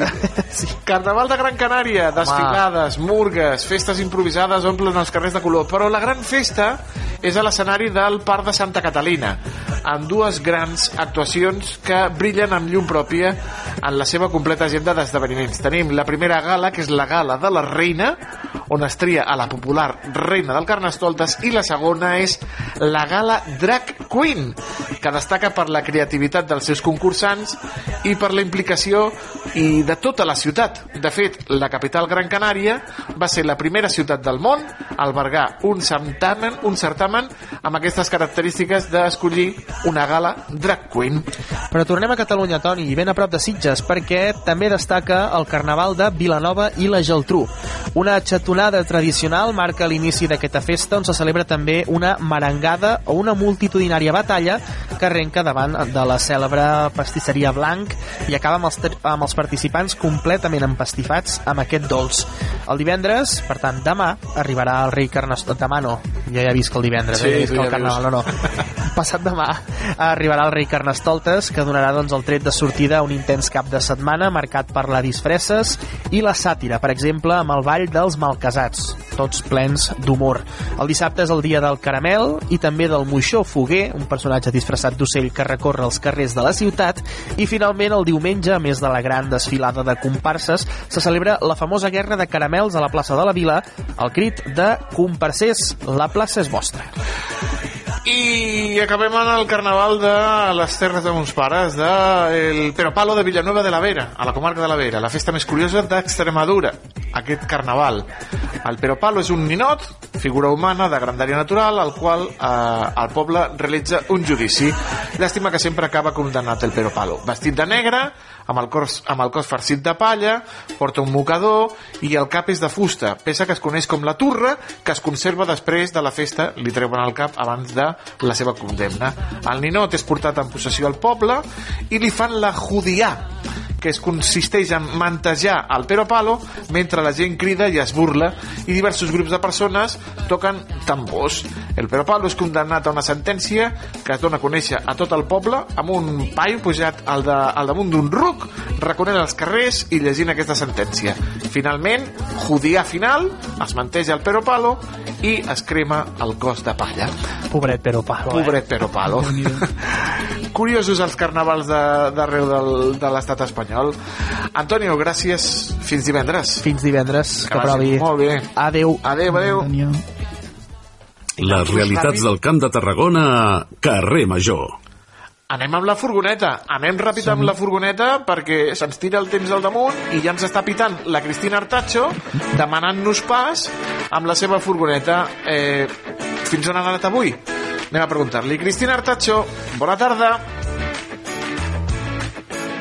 Dia més aquí a la Furgo. Avui sóc al- a l'Institut Antoni Martí Franquès de Tarragona, concretament al despatx del director, i m'acompanya precisament el Jordi Satorra, que és el director del centre. Fa uns dies, fa unes setmanes, el Consell Escolar va dir que a partir del curs vinent, del 24-25, hi haurien noves restriccions pel que fa als telèfons mòbils. Han anunciat que a primària estaran absolutament prohibits, a l'ESO s'obligarà a apagar-los i al batxillerat sí que l'ús estarà més, eh, estarà més obert i serà responsabilitat dels estudiants.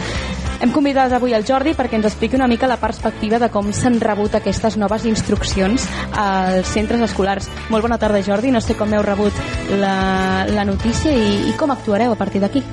Bé, bona tarda. Bé, és una notícia d'aquestes que més o menys te les esperes i que bueno, portem un cert debat molt, molt mediàtic i molt conduït, no? Jo dic la batalla de l'hora del pati, no? que sembla que tota l'hora del pati passen totes les coses que, que, que passen de maldat amb els telèfons mòbils i segurament no és així.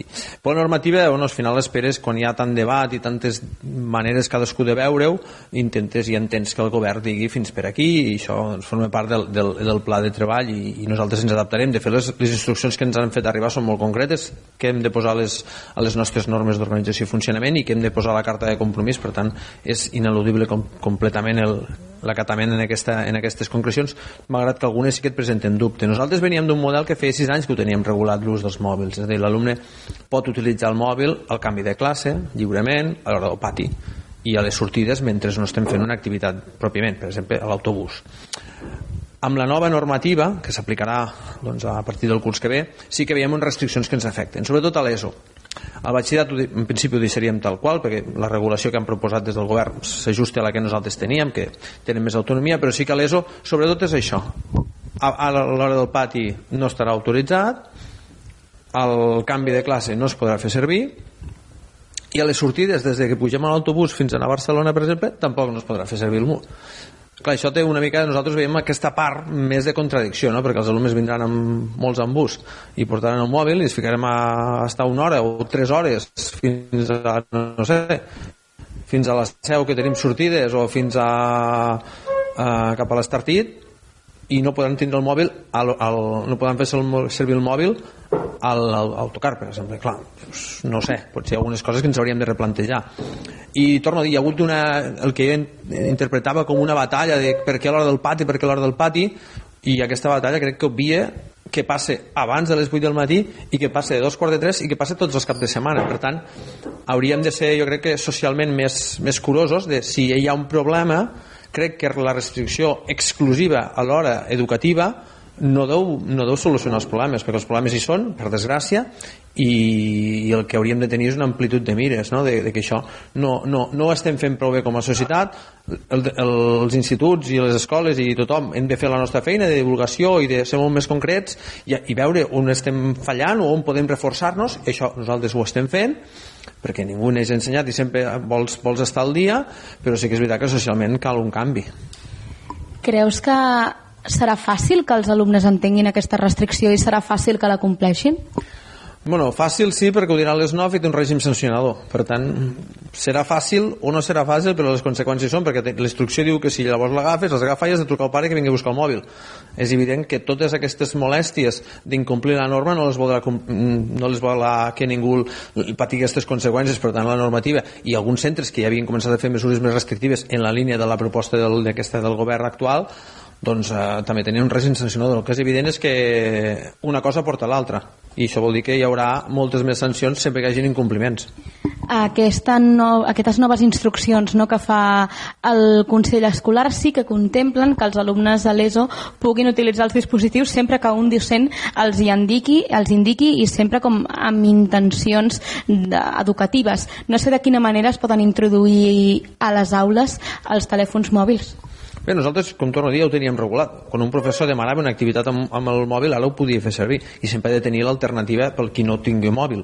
Especialment això passa a primer i segon d'ESO, que pots tenir alumnes, pocs, però que no utilitzen el mòbil. Nosaltres això ja ho teníem regulat, per tant, quan, quan un professor i necessita una activitat docent que necessita el mòbil perquè vol fer un estudi sobre medició auditiva o perquè vol un diccionari o perquè vol fer una petita gravació, al principi això ja ho teníem regulat i continuarà tot igual. No, aquí no hi ha, no hi ha cap canvi comentaves no, el tema de que no cal només una reflexió en l'àmbit escolar pel que fa als telèfons mòbils, sinó una reflexió a nivell social no, de què passa tant abans de l'institut com després de l'institut també. Fa molt poquet el Martí Franquès es vau, es vau veure involucrats en aquest xat amb, a WhatsApp amb contingut pornogràfic on, on hi eren diferents alumnes. No sé quin protocol vau seguir en aquest, moment, en aquest moment i fins a quin punt considereu que la responsabilitat és del centre. Bé, nosaltres vam seguir el protocol, quan se va detectar, la professora que ho detecta, doncs m'ho comunica i jo, un cop analitzades les imatges, ho, ho, ho, ho trasllado directament als Mossos d'Esquadra, doncs tenim, nosaltres fem el blocatge d'aquesta informació per poder ser traslladat com a prova en els processos que facin ells d'investigació i ho comunico també als, al director dels serveis territorials perquè clar, és evident que és una situació anòmala. El que ens passa aquí és el que, el que estem dient no? que hi ha, un, bueno, hi ha una responsabilitat. Nosaltres, en l'educació ens hi cap tot tothom se pensa que ho hem de fer tot i això és impossible perquè no tenim prou hores de tot i potser ens hem de centrar molt més en la nostra part pedagògica però és evident que hem de col·laborar en tot. Però això no vol dir que tinguem responsabilitat segons el Codi Civil, els responsables dels telèfons mòbils són els pares. Per tant, quan un pare compra un telèfon mòbil i l'alumne és menor, és la seva responsabilitat, no la nostra. I el que han de fer és el que veiem, el que hauríem de fer, s'hauria de fer molt més, és que nosaltres el que detectem és que hi ha molts alumnes que no tenen cap informació d'allò aquell instrument que els hi han donat, que és un instrument molt potent per moltes coses, que és molt útil, que realment ha de tenir una vessant pedagògica perquè és necessària, però és una porta oberta al món. És insòlid que puguem ficar eh, pins eh, per, per accedir a un canal de televisió a casa, però al mòbil hi ha una mena de deixadesa de funcions dels, de moltes de les famílies que ni es preocupen de res del que hi ha, del que on accedeix, del que deixa de passar, fins a quina hora estan amb els telèfons mòbils, quins que estan consumint, quin consum audiovisual, de quin tipus, aquí ningú es vol fer aquesta pregunta perquè hi ha una mena de, de bonisme i jo fins i tot afegiria d'hipocresia social no? en canvi això sí, l'hora del pati obsessió amb l'hora del padi i que no agafin el camp, quan surtin d'aquí si van en bus cap a casa sí, i si anem a Barcelona doncs que no agafin un bus, crec que és un error. Crec que ens cal una reflexió i crec que els, les famílies, les que ja ho fan doncs felicitats, però les altres crec que han de fer un pas endavant en la, en la que és el control, el control eh, d'aquest dispositiu que té moltes bondats però que té doncs, eh, una capacitat de fer mal molt gran. Des dels centres educatius ja treballeu per fer consciència amb tot el tema dels dispositius, és a dir, vostè creu que aquesta consciència ha de començar a casa? Sí, això és, no sé, si, si en lloc de parlar de mòbils eh, eh, parlem d'alcohol, ara hem prohibit que de les 8 a 2 quarts de 3 no es pot beure alcohol. Ningú et diu doncs, què passa abans de les 8, què passa a dos quarts de 3 i què passa tot el cap de setmana. I tota la pressió cap al Departament d'Educació i, van, i a banda també cap als instituts. Jo crec que la reflexió és si tu dones un instrument com és aquest, que té bondats i maldats, a, a un menor, perquè els estem nosaltres veient, que estan que hi ha grups de WhatsApp que els afegeixen, que hi ha contingut que és clarament ofensiu, inadequat, un inadequat per edat i l'altre inadequat en tots els contextos i fins i tot delictiu tenir-lo al mòbil, i aquí ningú ningú opina, ni els alumnes que els han fet reflexions i tutories eh, actuen i diuen, eh, tinc una cosa que no toca, això ho vull denunciar jo. Ni hi ha les famílies tampoc aquesta reacció o bona part de les famílies, per tant anem vigilant que després venen les conseqüències que després passen coses i no estem en l'alarma que hauríem d'estar en, un, en un cas o en uns casos que crec que no hem, de, no hem de baixar la guàrdia. Nosaltres reforçarem, nosaltres hem reforçat també tota la part d'acció tutorial, que ja la teníem, però continuem fent. Per sort també tenim els Mossos d'Esquadra que sempre ens ajuden en tot. Doncs tot molt interessant el que ens estan explicant des de l'Institut Martí Franquès, però el temps ens tira al damunt, amics i amigues. Eh, hem arribat al final del nostre programa. Aleix, com sempre, moltes gràcies per acompanyar-me aquesta tarda aquí al carrer Major. Ens veiem demà. Res, un plaer, com sempre, Toni. Ens veiem demà. I vostès, ja ho saben, tenen una cita amb les 8 emissores del Camp de Tarragona i la xarxa de comunicació local aquí, al carrer Major, de 4 a 6. Fins demà.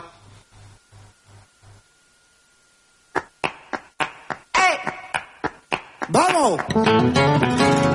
¡Pucho!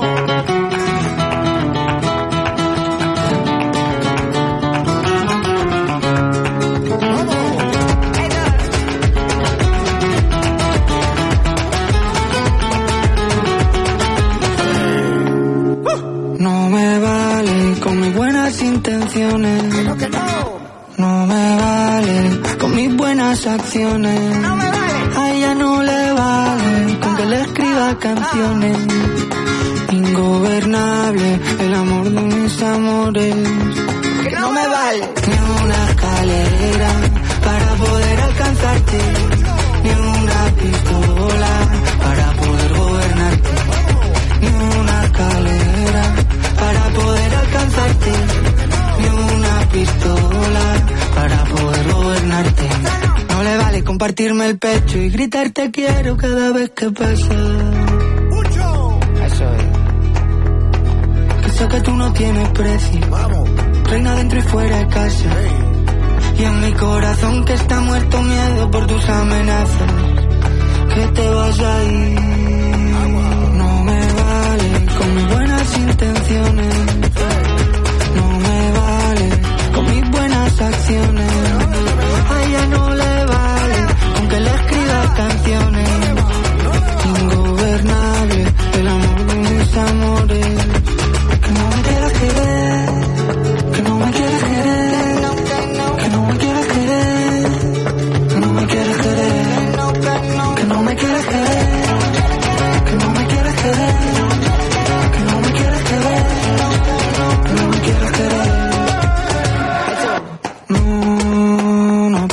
tanto. Nah.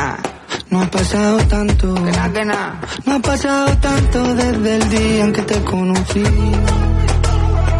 Y tú no has querido hacer caso. No has hecho ni caso. De todas las señales que he ido dejando y que eran para ti. Porque te quiero. Vale. Que como te lo tengo que decir.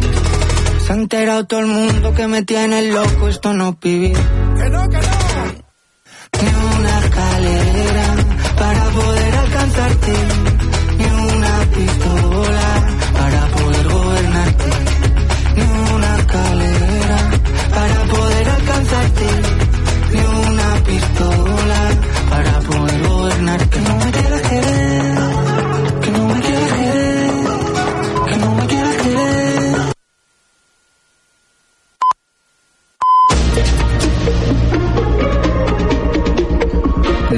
Notícies en xarxa.